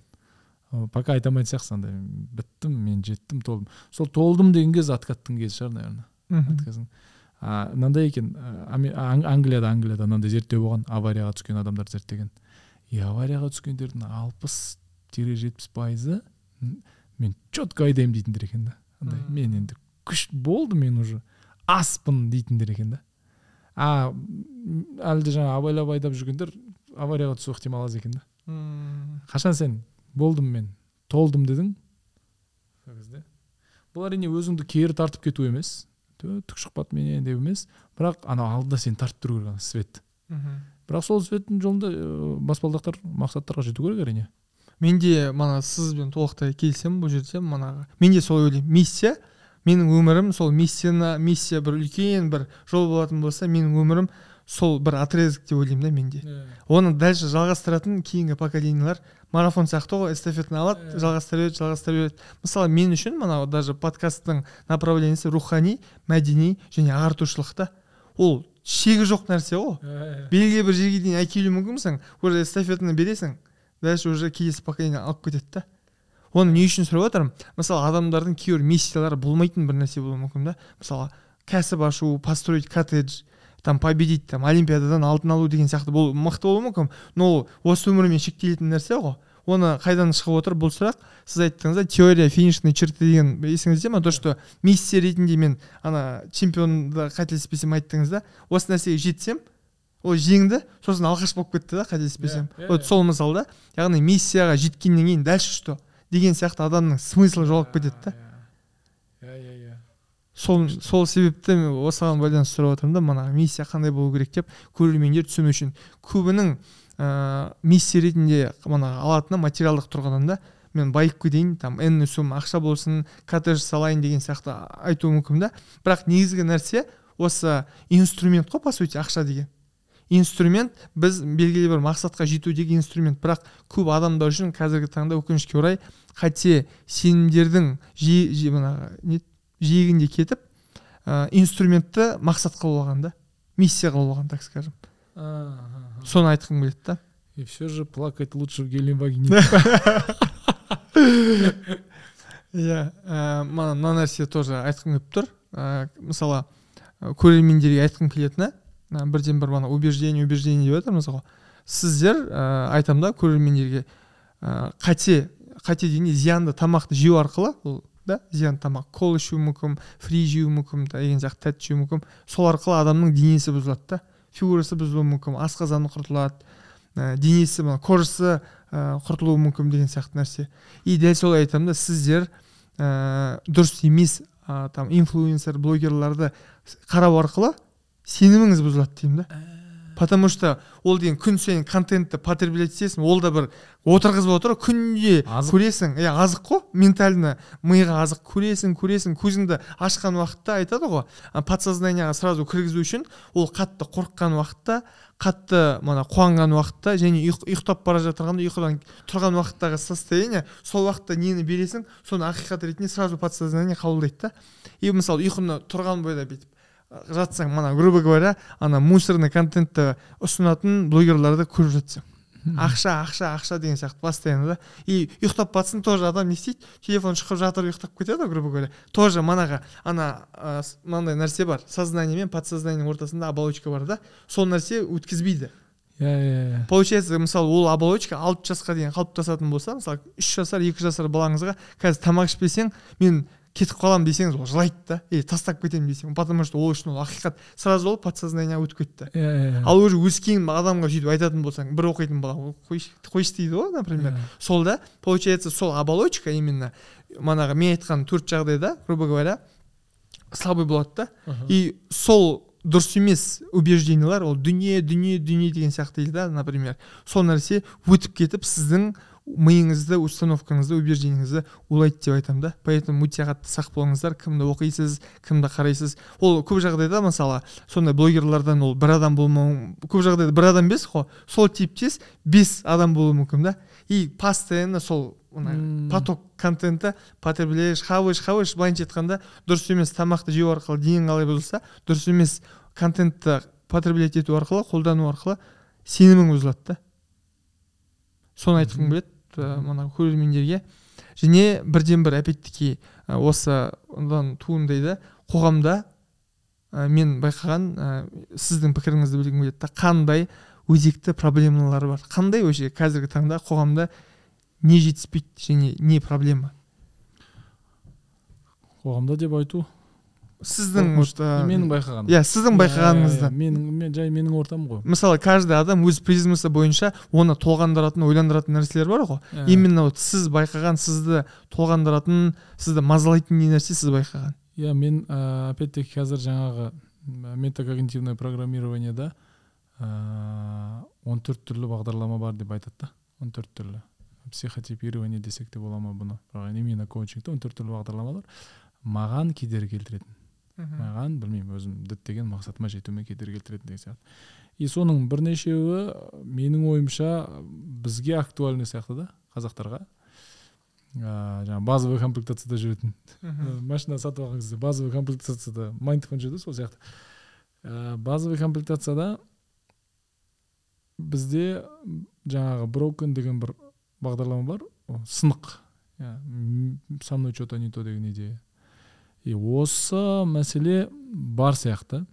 Ол қайдан пайда болады? Кішкентай кезінде балаға бала жалпы критическое мышление жоқ қой жаңа сіз айтқан сияқты. Белгілі бір жасқа дейін критическое мышление жоқ қалай айтылды солай қабылдайды. Енді сен ол баланы жұрттың баласымен салыстырсаң а менде бар да ол мысалы жұрттың баласы. И ол ойлайды мә жұрттың баласы шикарный бір қайдан жүрген адамдар алтын сол қайдан туылды екен олар деген сияқты. А жұрттың баласымен салыстыратын болсаң балада сұрақ туындайды да. Так менің мамамның немесе папамның айтуы бойынша жұрттың баласы күшті болса значит мен күшті емеспін. Значит менде бір нәрсе не то а, сосын ей сен қолың не осы сен сындырып ала бересің не деген сен несің не деген жаңа ебедейсің а, кім әдейілеп кесені сындырады? Ешкім сындырмайды ғой. Бала да сындырмайды. Бірақ бала сындырып алса ұрыс естіп қалады. И значит со мной что то не то дейді да маған ұрыса береді ә, элементарный менің ұлым тәтті жақсы көреді ғой кішкентай балалардың бәрі. Енді анасы мейіріммен не дейді? Алла тағала анаға өте үлкен мейірім берген ғой баласын нету үшін иә. Енді мейіріммен ана тісі құрттап кетпесін іші ауырып қалмасын жаңағы бетіне бір нәрсе шығып кетпесін деп тәттіні тыяды. Бірақ физиологиялық тұрғыдан бала тәтті жегісі келіп жатыр оның организм глюкоза сұрап жатыр енді сенің дұрыс глюкоза беру енді сенің жауапкершілігің ата ана ретінде. Бірақ ол глюкозаны бәрібір сұрайды. Өйткені өте тым көп глюкоза керек оған. Денесі қатты өсіп жатыр оның. Бұлшық еті өсіп жатыр сүйегі өсіп жатыр ыыы глюкоза сұрайды ол физиологиялық тұрғыдан глюкоза қалап жатыр енді оның білетін глюкозасы шоколад кәмпит тәттінің бәрі глюкоза деп ойлайды. Сен оған білмеймін бал бересің ба не бересің ба ана глюкоза толықтырмайынша бәрібір сұрай береді. Бірақ сен оған ұрыссаң ей жаңа ғана жедің ғой шоколад. Ол жаңа ғана жесе де бір пачка жеп қойса да бір сағаттан тағы сұрайды ол. Жаңа ғана жедің ғой сен не деген баласың тоймайтын? Анау жеме тісің құрттайды ішің ауырады. Да да бұның бәрі установка ғой сен бекітіп жатрсың шоколад жесең ішің ауырады деген. Енді ол ауырады ол шынымен тісің құрттайды оказывается тіс шоколадтан құртамайды ғой иммунитеттің несінен сосын кальцийдің азаюынан құрттайды да бірақ шоколад сен бірақ енгізіп қойдың жаңағы фактор критического мышления жоқ сетка жоқ ол бәрін қабылдайды. Тік тік тік тік. Енгізіп қойдың. И ұрса бересің ұрса бересің бала айтады со мной что то не то дейді да. И бір күні балам мен кіші ұлым бесте ыыы кетіп бара жатсақ көлікте сұрайды да папа сен кішкентай кезіңде шоколад жақсы көретін бе? едің дейді да. Иә қатты жақсы көретін едім деймін ғой. А сен де жақсы көретін бе? едің дейді да. Анау көзінен түсіндім да мен анау. Мен нормальныймын ба? деген сұрақ қой анау ше. Мен өзімді тормоз деп жүрмін ғой оказывается сен де жақсы көрген екенсің ғой деген. Енді ол ол бала мен тәтті жақсы көремін деп қабылдамайды мама маған ұрсады бәрі ұрсады значит мен че то со мной че то не то и осы сынық деген бағдарлама е, бүкіл өмір бойы оған кедергі келтіреді. Ол айтады мен кәсіп жасайын десем ол айтады ей мен лайық емеспін ондайға дейді. Е барып америкаға барып мысалы гуглға жұмыс істеймін десе е лайық емеспін жаңағы оның ойында да болмайды. Өйткені ол сынық деп өзіне сеніп қалған да өйткені жұрттың баласы ғана күшті да. Бұл күшті емес.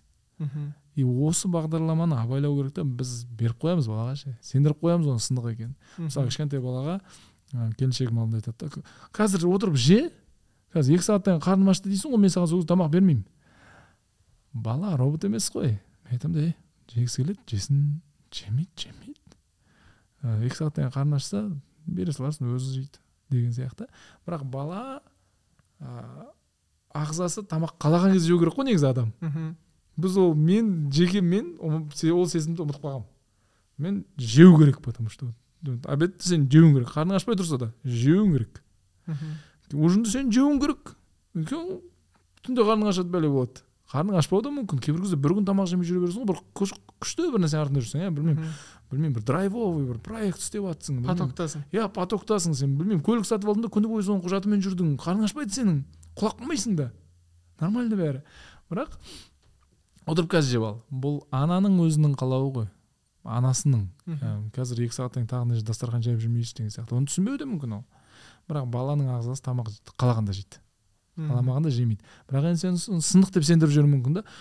Адам ұқсап отырып жемейсің ба бізбен бірге? Бәріміз отырмыз. Жемейсің ба? Бала ойлайды мен жегім келіп тұрған жоқ қой дейді да. Енді әрине ол ана басқа да факторлар бар. Енді қызық мына мультик көріп отырса бір нәрсе деген сияқты иә. Қарны ашып оны ұмытып кетуі мүмкін бала. Басқа да факторлар бар дегенмен сен оған сол сөздің өзімен сен оған сынықсың деген идеяны беріп қоюың мүмкін да. Білмейсің вообще.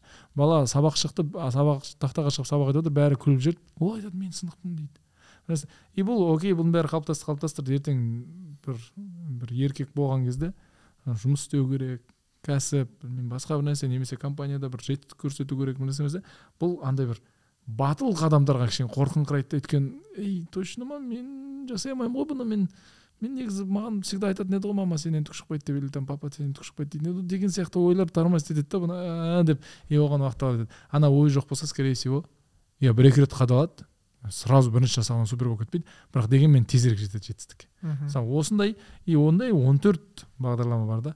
И осы мәселелерді зерттеп қазір шүкір ғой мысалы бала тәрбиесіне қатысты. Мен айтайын мен үйленген жылдары екі мың он үште үйлендім.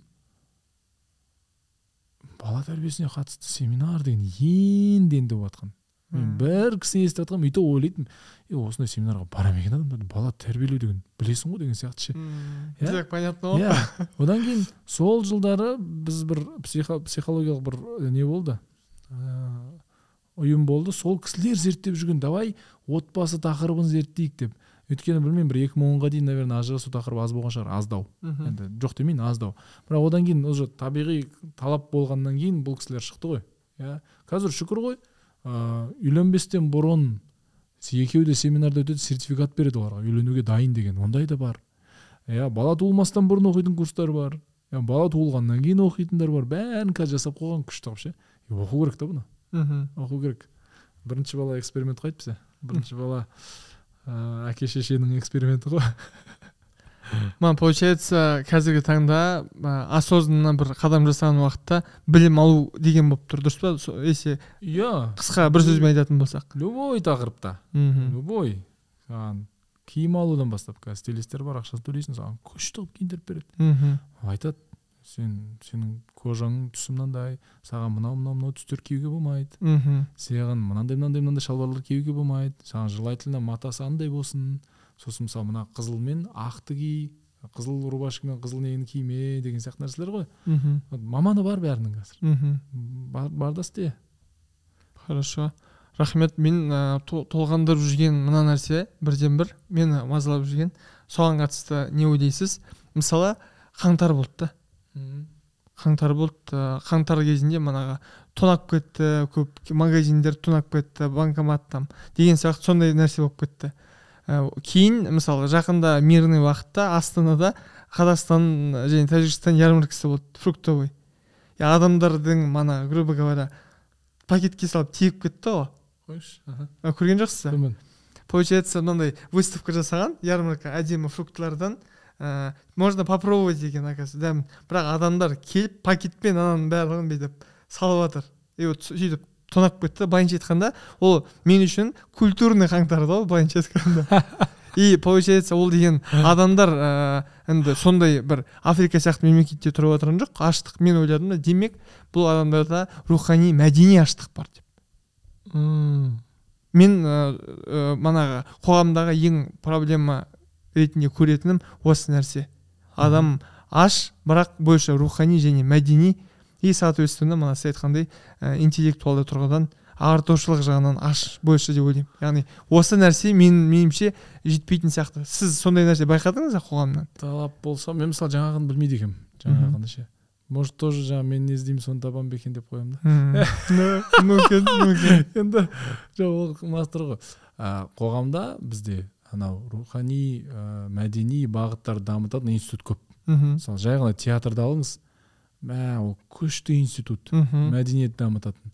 Барған кезде мен студент кезде бірінші театрға бардым мен анау ә, сырт киіміңді шешіп кет деген нәрсе маған сонда сен сырт киім шешіп кетсең ана жерде бәрі әдемі болып отырады ғой әйтсе біреу пуховикпен біреу норкамен кірген біреу крутой шапкасын көрсеткісі келіп тұр анау жүз мыңға алған біреу бір нәрсе деген сияқты. Ана жерде мәдениет сосын театрға кіргенде өзінің мәдениеті бар ол сені тәрбиелейді. Тыныш отырып анау жасайсың сосын концертке барасың сосын кинотеатрға барасың. Бұның бәрі жаңағы рухани мәдени ә, тәрбиені қалыптастыратын институт мықты институттар. И ол нәрселердің бәрі бар негізі. Просто запрос болмаса адамда ол нетпейтін сияқты. Бір андай бір бір уақыттар енді ә, қалай еді? Қатты нәтижеге болмады бірақ келіншегіміз екеуміз әр четверг сайын театрға барамыз деген бір жоспар құрғанбыз. Қатты ұзаққа созылмады. Бірақ дегенмен ә, театрға барып көрмеген адамдар бар. Мхм. Ә, бұл нәрсе сенің мәдениетіңді қалыптастырады. И ол ешқашан кеш емес. Жай ресторанға бару иә, қымбат ресторанға бару ол да бір мәдени институт. Мхм. Институттар көп просто менде запрос болмаса егер ол мәдениетке менде запрос жаңа сіз айтқан сияқты тек қана ақшаға болса ақша институтын айырып жіберемін да бірақ онша мәдениетті адам болмауым мүмкін мен. Мхм. Мен алдында тоже осыған қатысты рилста айтқам. Nouveau риш деген термин бар. Nouveau риш деген французский тіл. Nouveau деген жаңа? жаңа. Риш деген бай да. Жаңа байыған адам. Андай қысқа моментте ә, төменгі әлеуметтік слойдан резко байып кеткен адам ғой былайынша айтқанда. Сондай адамдарда олар финансовый экономикалық тұрғыдан алға кетіп қалған болса да мәдени рухани интеллектуалды тұрғыдан жетпей тұрады. То есть андай мынаны жете алмай қалған ғой ақшалай тұрғыдан. И сондай хоть и бай болып тұрса да іс әрекетінен мысалы ол блогер болуы мүмкін да. Мысалы қазір грубо говоря ақшасы болса бәрі блогер болып дополнительно ақша тапқысы келеді да грубо говоря. Сондай болып түсіріп отыруы мүмкін. И сол ана сторисіне қарап ақ оның мәдениетінің грубо говоря жетпей тұратынын көресің да. Или ол мақтанып осыншамаға мен алдым деп ол айтып тұрады кәдімгі бағасын. Сол уақытта ойлайсың то что адам ақшасы бар но грубо говоря мәдени жағы ә, және интеллектуалды жағы адамда жетпей тұр деп. Иә. Азамат мырза сіздің осы жақында сен деген кітабыңыз шықты. Ә, көрермендер де білетін шығар.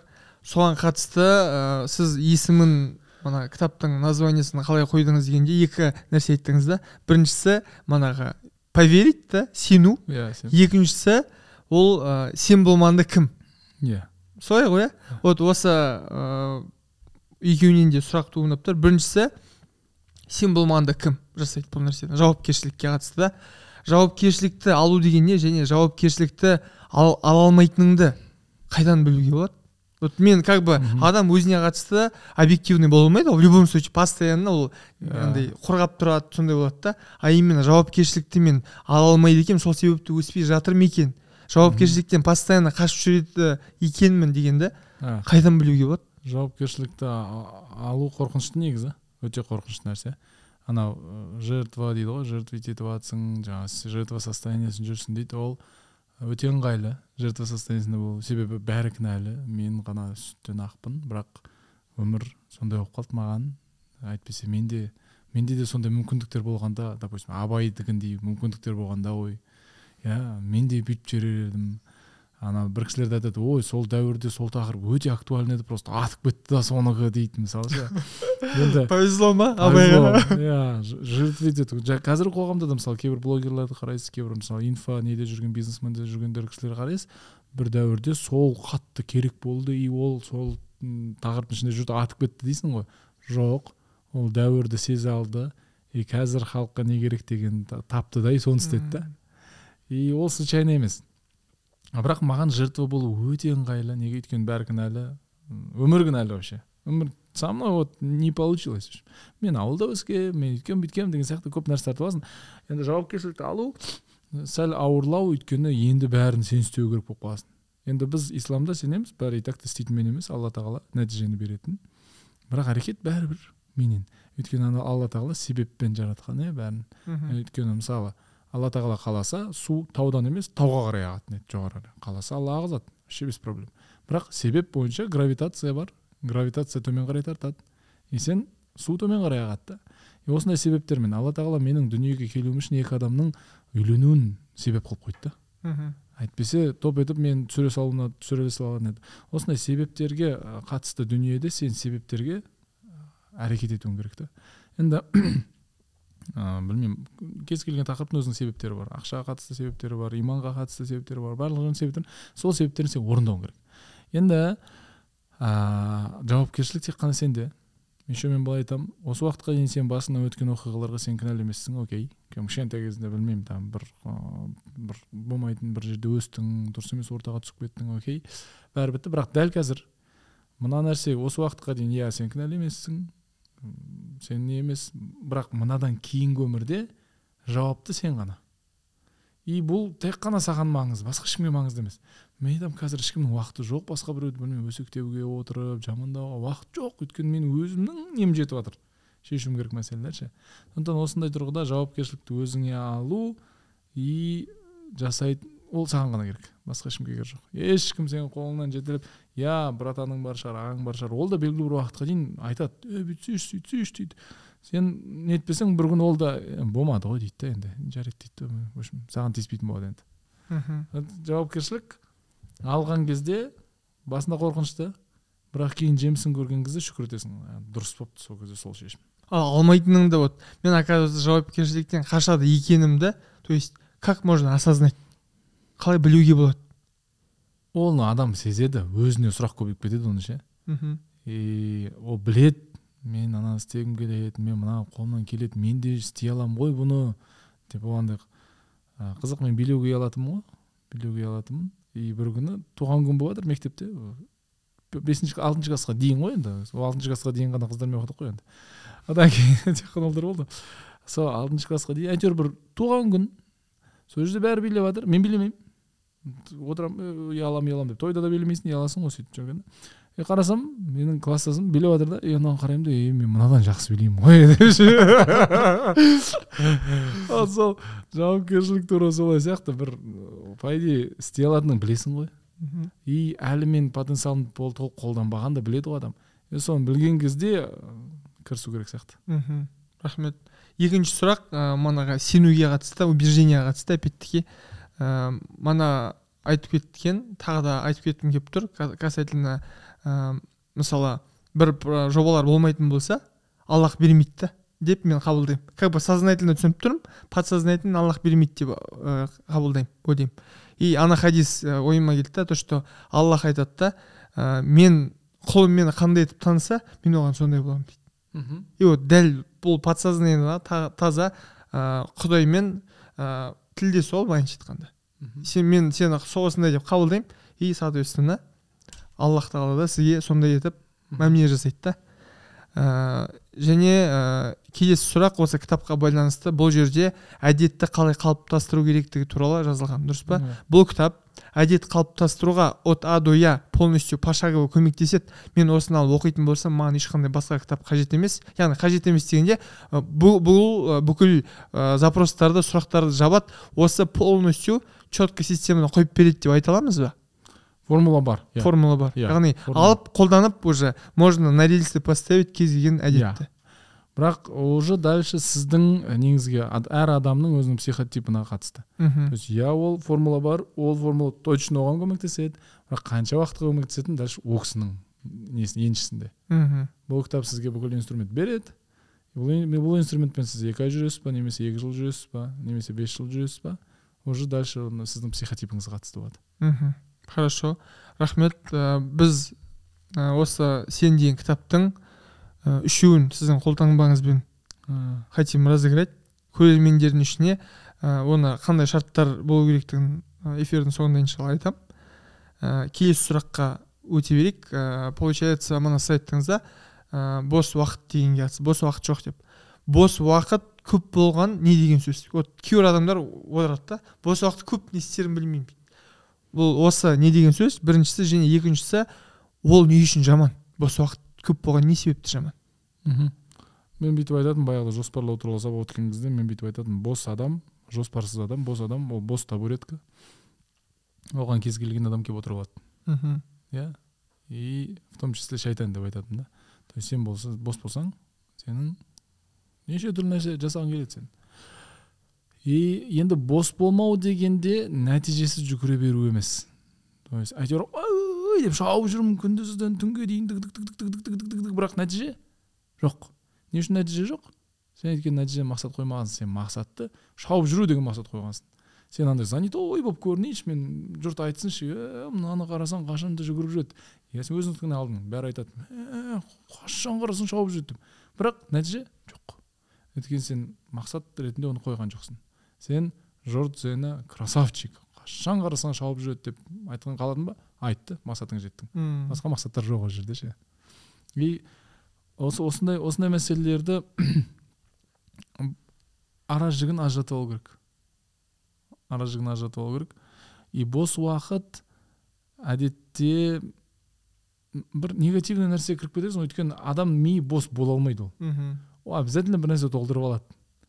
Ә, бос уақыт болмаса сен жоспарлы түрде кетіп бара бос уақыт жоқ па? Саған мен сенің миыңа кім успел сол өзінің мәселесін қойып береді. Инстаграм может быть тик ток болуы мүмкін или басқа нәрсе болуы мүмкін. Немесе көрші болуы мүмкін. Немесе құдай сақтасын бір дұрыс емес бір ағым болуы мүмкін. Ол сенің миың вообще бос болмайды. Сұрақ сен немен толтырасың оны? Или басқа біреудің қалаған нәрсесімен толтырасың ба? Или өзіңнің жоспарыңмен жүресің ба? Мхм. Вот сол үшін менің ойымша бос болмау керек сияқты. Мхм болмау керек сияқты. Андай мына тоже бір ғұлама кісінің сөзі есіме түсіп кетті да мен мына не себепті көп күнә жасаймын десең дейді да онда бос уақытың көп дейді да онда. Сол мысалы алдында мен ә, соңғы умраға барған уақытта аллахтан сұрадым да о аллах мені осы өзіңнің ә, жолында максималды түрде қолданшы. Вот қандай менде ә, инструменттер бар. То есть андай максимальный efficiency дейді ғой эффективностьті қолданшы. Грубо говоря жүз процент па жүз процентке мені загрузи так чтобы менде вообще максималды тұрда бүкіл таланттарым энергиям күшім уақытым білімім саған қызмет етейін деген болды да сондай дұға болды. И ә, бос уақыт сол өмірден кейін бос уақыт андай практически жоқ болып кетті ғой. Сол уақытта байқаған бір нәрсем грубо говоря ә, физически күнә жасайтын уақыт жоқ қой. Өз- дәл сол нәрсені я поймал да конкретно. А оказывается короче реально бір грубо говоря бір проект пен екі проекттің арасында жүгіріп жүрген уақытта реально физически күнә жасайтын уақыт жоқ. Сондай болды. Например сол себепті көрермендерге айтарым сол да егер ә, деградировать етіп ә, манағыдай күнә көп жасап жүрсеңіз демек уақыт көп та адамдарда. И мана сіз айтқандай шайтанның ә, айналысатын да иә планымен жүресіз дегендей.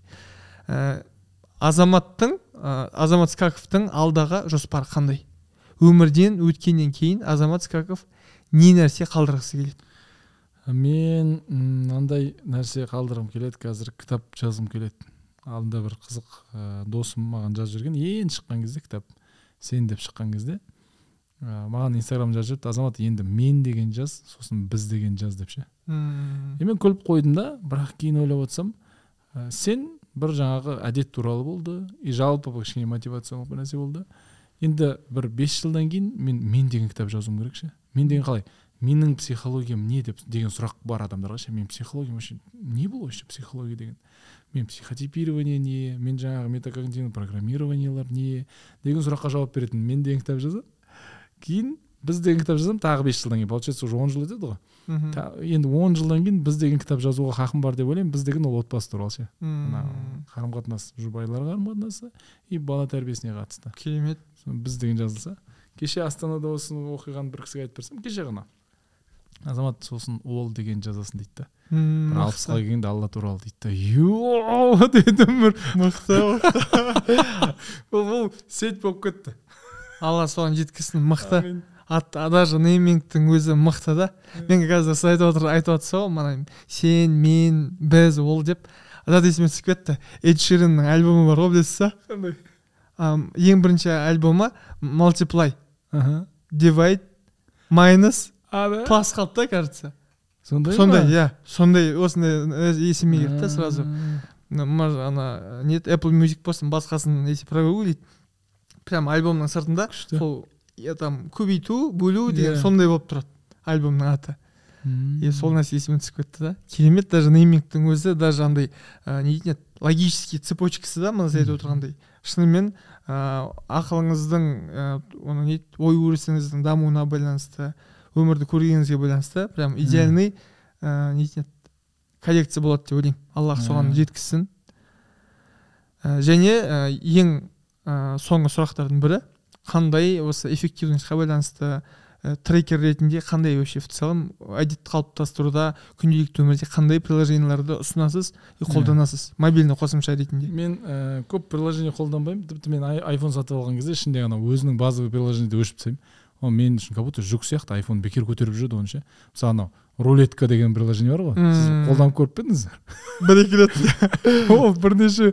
Ол сенбейміз біз оған. Бүйтіп түсіп өлшейді «Е, өтірік ей мынау деп ше андай қолмен жеп көресің сосын компас. Сосын көптеген приложение мен, бәрін өшіріп тастаймын. Жалпы көп приложение қолданбаймын. Бір көп қолданатыным инстаграм иә табысқа қатысты. Қазір тик токты қосып жүрмін. Тик токта енді әлі үйрене салмай жүрмін өйткені. Почему то тик токта хейт көп. Мм. боқтай береді білмеймін. Ұйқы туралы рилстің астына анандай видеоның астына боқтай береді адамдар ше білмеймін. Енді бәрі емес қой жалпы. Сосын страва деген бар менің жүгіруге қатысты. Ол жүгірудің инстаграмы ғой страва деген бегундар біледі. Өйткені бір бірімізге енді лайк басамыз комментарий жазамыз сондай нәрсе. А мынау жоспарлауға қатысты неге қатысты? Менде блокнот и ручка болды. Менде көп блокнот бар. Үйде тобырлап жатыр анаған қатысты блокнот мынаған қатысты блокнот и мен жұмыста да андай көп андай қағаздар қойып қоямын. Ыыы опять аппақ қағаздар толып тұрады. Соның біреуін аламын сызамын өйтемін бүйтемін қойып қоямын болып тұра береді. Кейін бір кейін біраздан қарап шығсам көп идея жиналып қалады ана жерде. Сосын бір цифровать етемін болды. Маған маған қағаз өтеді. Әрине бұл наверное бір кісі ескілік шығар. Бірақ дегенмен біздің миымызға қатысты қағаз бен ручканың әсері көбірек. Мхм. Өйткені мен сонымен өстім ғой. Мхм. Мынау бағдарлама қағаз бен ручкамен орнатылды ғой. Енді переустановка жасау тоже қағаз бен ручкамен бірақ енді менің бала шағам мысалы толаса айпадпен білетін адамдар бәлкім айпад оған сол әсер ететін шығар. Мхм. Мен мысалы қағаз болды. Мен получается кітапты оқығаннан кейін еще конспектирую жазамын отмечать етемін сол уақытта андай мана мынандай дәптер болып кетеді ғой. Дәптер болып кетеді и ананың бәрін физически алып жүру өте қиын болды. И поэтому дос бала ұсынды неге сен оқығаныңды мана отмечать етсем еще маркермен маркер тасып жүремін стикер тасып жүремін еще там үш төрт кітапты қатар оқимын да мен үш төрт а четыре мынандай дәптер тасып жүремін ғой содан кейін қиын болып кетті шынымен де сосын получается мына айпад пен ручканы алдым да барлығын сол жаққа и манағы қағазда не кетпейді мана маркерді алмаймын получается барлығын бояп осы жақта сөйтіп ауысып кеттім а так дәл сіз сияқты барлығын мана қағазға документировал мен көп көп рахмет осымен сұрақтарымыз ә, Супер. аяқтала келді. Біздің формат бойынша ә, получается келген көрермендерден ә, сұрақ қойылады да. Мына интерактив ретінде и сол сіздің соған байланысты келген мнениеңіз ойыңыз ә, маңызды олар үшін. Сол себепті олар қояды. Бірінші сұрақ получается қазіргі 18 жасар жігіт немесе қызға берер кеңесіңіз? Сабақ оқу кітапты оқудан басқа? дейді. Көп тестировать ету шығар. Көп тестировать амал ету деген сияқты. Мана айтқанда қорықпай Иә. попробовать да иә попробовать. Мхм керемет. Жоспарлы түрде. Біреудің жоспарымен емес. Аха. Екінші сұрақ ә, бо- болды иә жауабы? Екінші сұрақ қазіргі кезде көбіне жігіттер қауымы жағдайымды жасап алайын машина үй сияқты нәрселерімді алып алайын сосын асықпай үйленемін дейді. Сол қаншалықты дұрыс? Жалпы қай жаста үйленген дұрыс? Бір ә, қырынан қарасақ ислами тұрғыдан ә, қоғамда сәл қиын сияқты. Ұзақ уақыт үй- үйленбеу. Я андай ғой физиологиялық тұрғыдан мүмкін емес негізі үйленбеу. Белгілі бір жастан кейін егер еркектің тестостерон мөлшері нормальный болса ол үйлендіреді оны. Залға баратындар жақсы түсінеді десеңізші потому что темір көтергенде мана тестостерон қатты өседі. Ол или үйленеді или енді ислами тұрғыдан айтып жатырмыз ғой. Өйткені ол жүргіштік несі жоқ оның мүмкіндігі жоқ оның. иә или үйленеді или басқа нәрсе қиын енді кішкене. Сондықтан ыыы и бір шетінен жұбайыңмен бірге өсу қызық. Мхм жұбайыңмен бірге өсу қызық. Сен қазір ойлайсың «Да мен бәрін жасап алайын. Еще құдай біледі оны жасап аласың ба жасап алмайсың ба? Қашанға дейін жүресің? Еще гарантия жоқ қой. Осыдан бес жыл ұрсам болды точно деген сияқты құдай біледі а, ол обман сияқты. Мхм. Бір шетінен жаңағы көп ә, шайтан уәсуасасына ілінуің мүмкін. Ә, білмеймін өз ұлдарыма келгенде мен үйленемін десе болды үйлендіре салатын сияқтымын мынандай. Мхм. А, и неғұрлым ерте соғұрлым жақсы. А, қалғаны обман. И одан кейін уже менің көргенім менің бір, бірнеше досым бар енді уже отыз беске келіп жатқандар. Одан кейін қиын үйлену одан кейін біреуді ұнату қиын. Мхм. сен өйткені уже қалыптасып қалған адамды көріп тұрсың. Мхм. а, сен жиырмадасың ол білмеймін жиырмада или сен жиырма үштесің ол жиырмада. Үйлендің сендер бірге қалыптасасыңдар. Мхм. өмірдің манағы ащысы мен тәттісін бірге көрсе соғұрлымда манағы отбасы бекем болады дейсіз ғой. Иә. Бұл бір қыры иә. Мхм. тек қана ол емес әрине бірақ ол да бір қыры. Хорошо рахмет. Ә, мен бұл жерде жауап бермеймін өйткені қонаққа қойылған үшін. Мен просто бүкіл сұрақтарды қонақтан мана жауап ретінде аламын. Және үшінші сұрақ. Егер оқып жатқан мамандығың бірде ұнап бірде ұнамай қалса не істеуге болады? Сабақ қиындап кеткен кезде көңіл күй түсіп анда санда бекер түстім деген ойлар мазалайды. Қалай шешсем болады? Бұл бұл уже андай ыыы, бірде ұнап бірде ұнамау деген қиын ғой. Ол или ұнайды или ұнамайды да. Просто сабақ қиын кезде ыыы, ұнамай қалатын шығар ол. Мхм. сабақ қиын ол көрсеткіш емес қой сабақ всегда қиын болады. А, жалпы оңай нәрсе жоқ қой. Мхм. оңай не бар? Ауру да қиын ғой. Немесе андай нәрсе ойыма келіп жатыр ә, бұл кісі андай болады выгорание дейді ғой. Демалыс алмағаннан да осындай болады иә ғой. күйіп кеткен күйіп кеткеннен уже жеркеніп кетеді ғой уже қойшы деп. Даже ұнайтын нәрсенің өзі грубо говоря ол футбол ойнау болсын фифа ойнау болсын грубо говоря да. Ойнап ойнап уже деген құсқым келеді деген болады уже не могу деген қарай алмай қаласың да. Сол себепті былайынша айтқанда ол досуг ретінде де ә, сүйіп жасайтын нәрсең андай паузамен жасамасаң иә о баста ұнатып келген болса болды ол болды. О мхм. баста ұнатып таңдаған болса. Біздің отбасынан бір медик шықсын деп тығып жібермеген болмаса.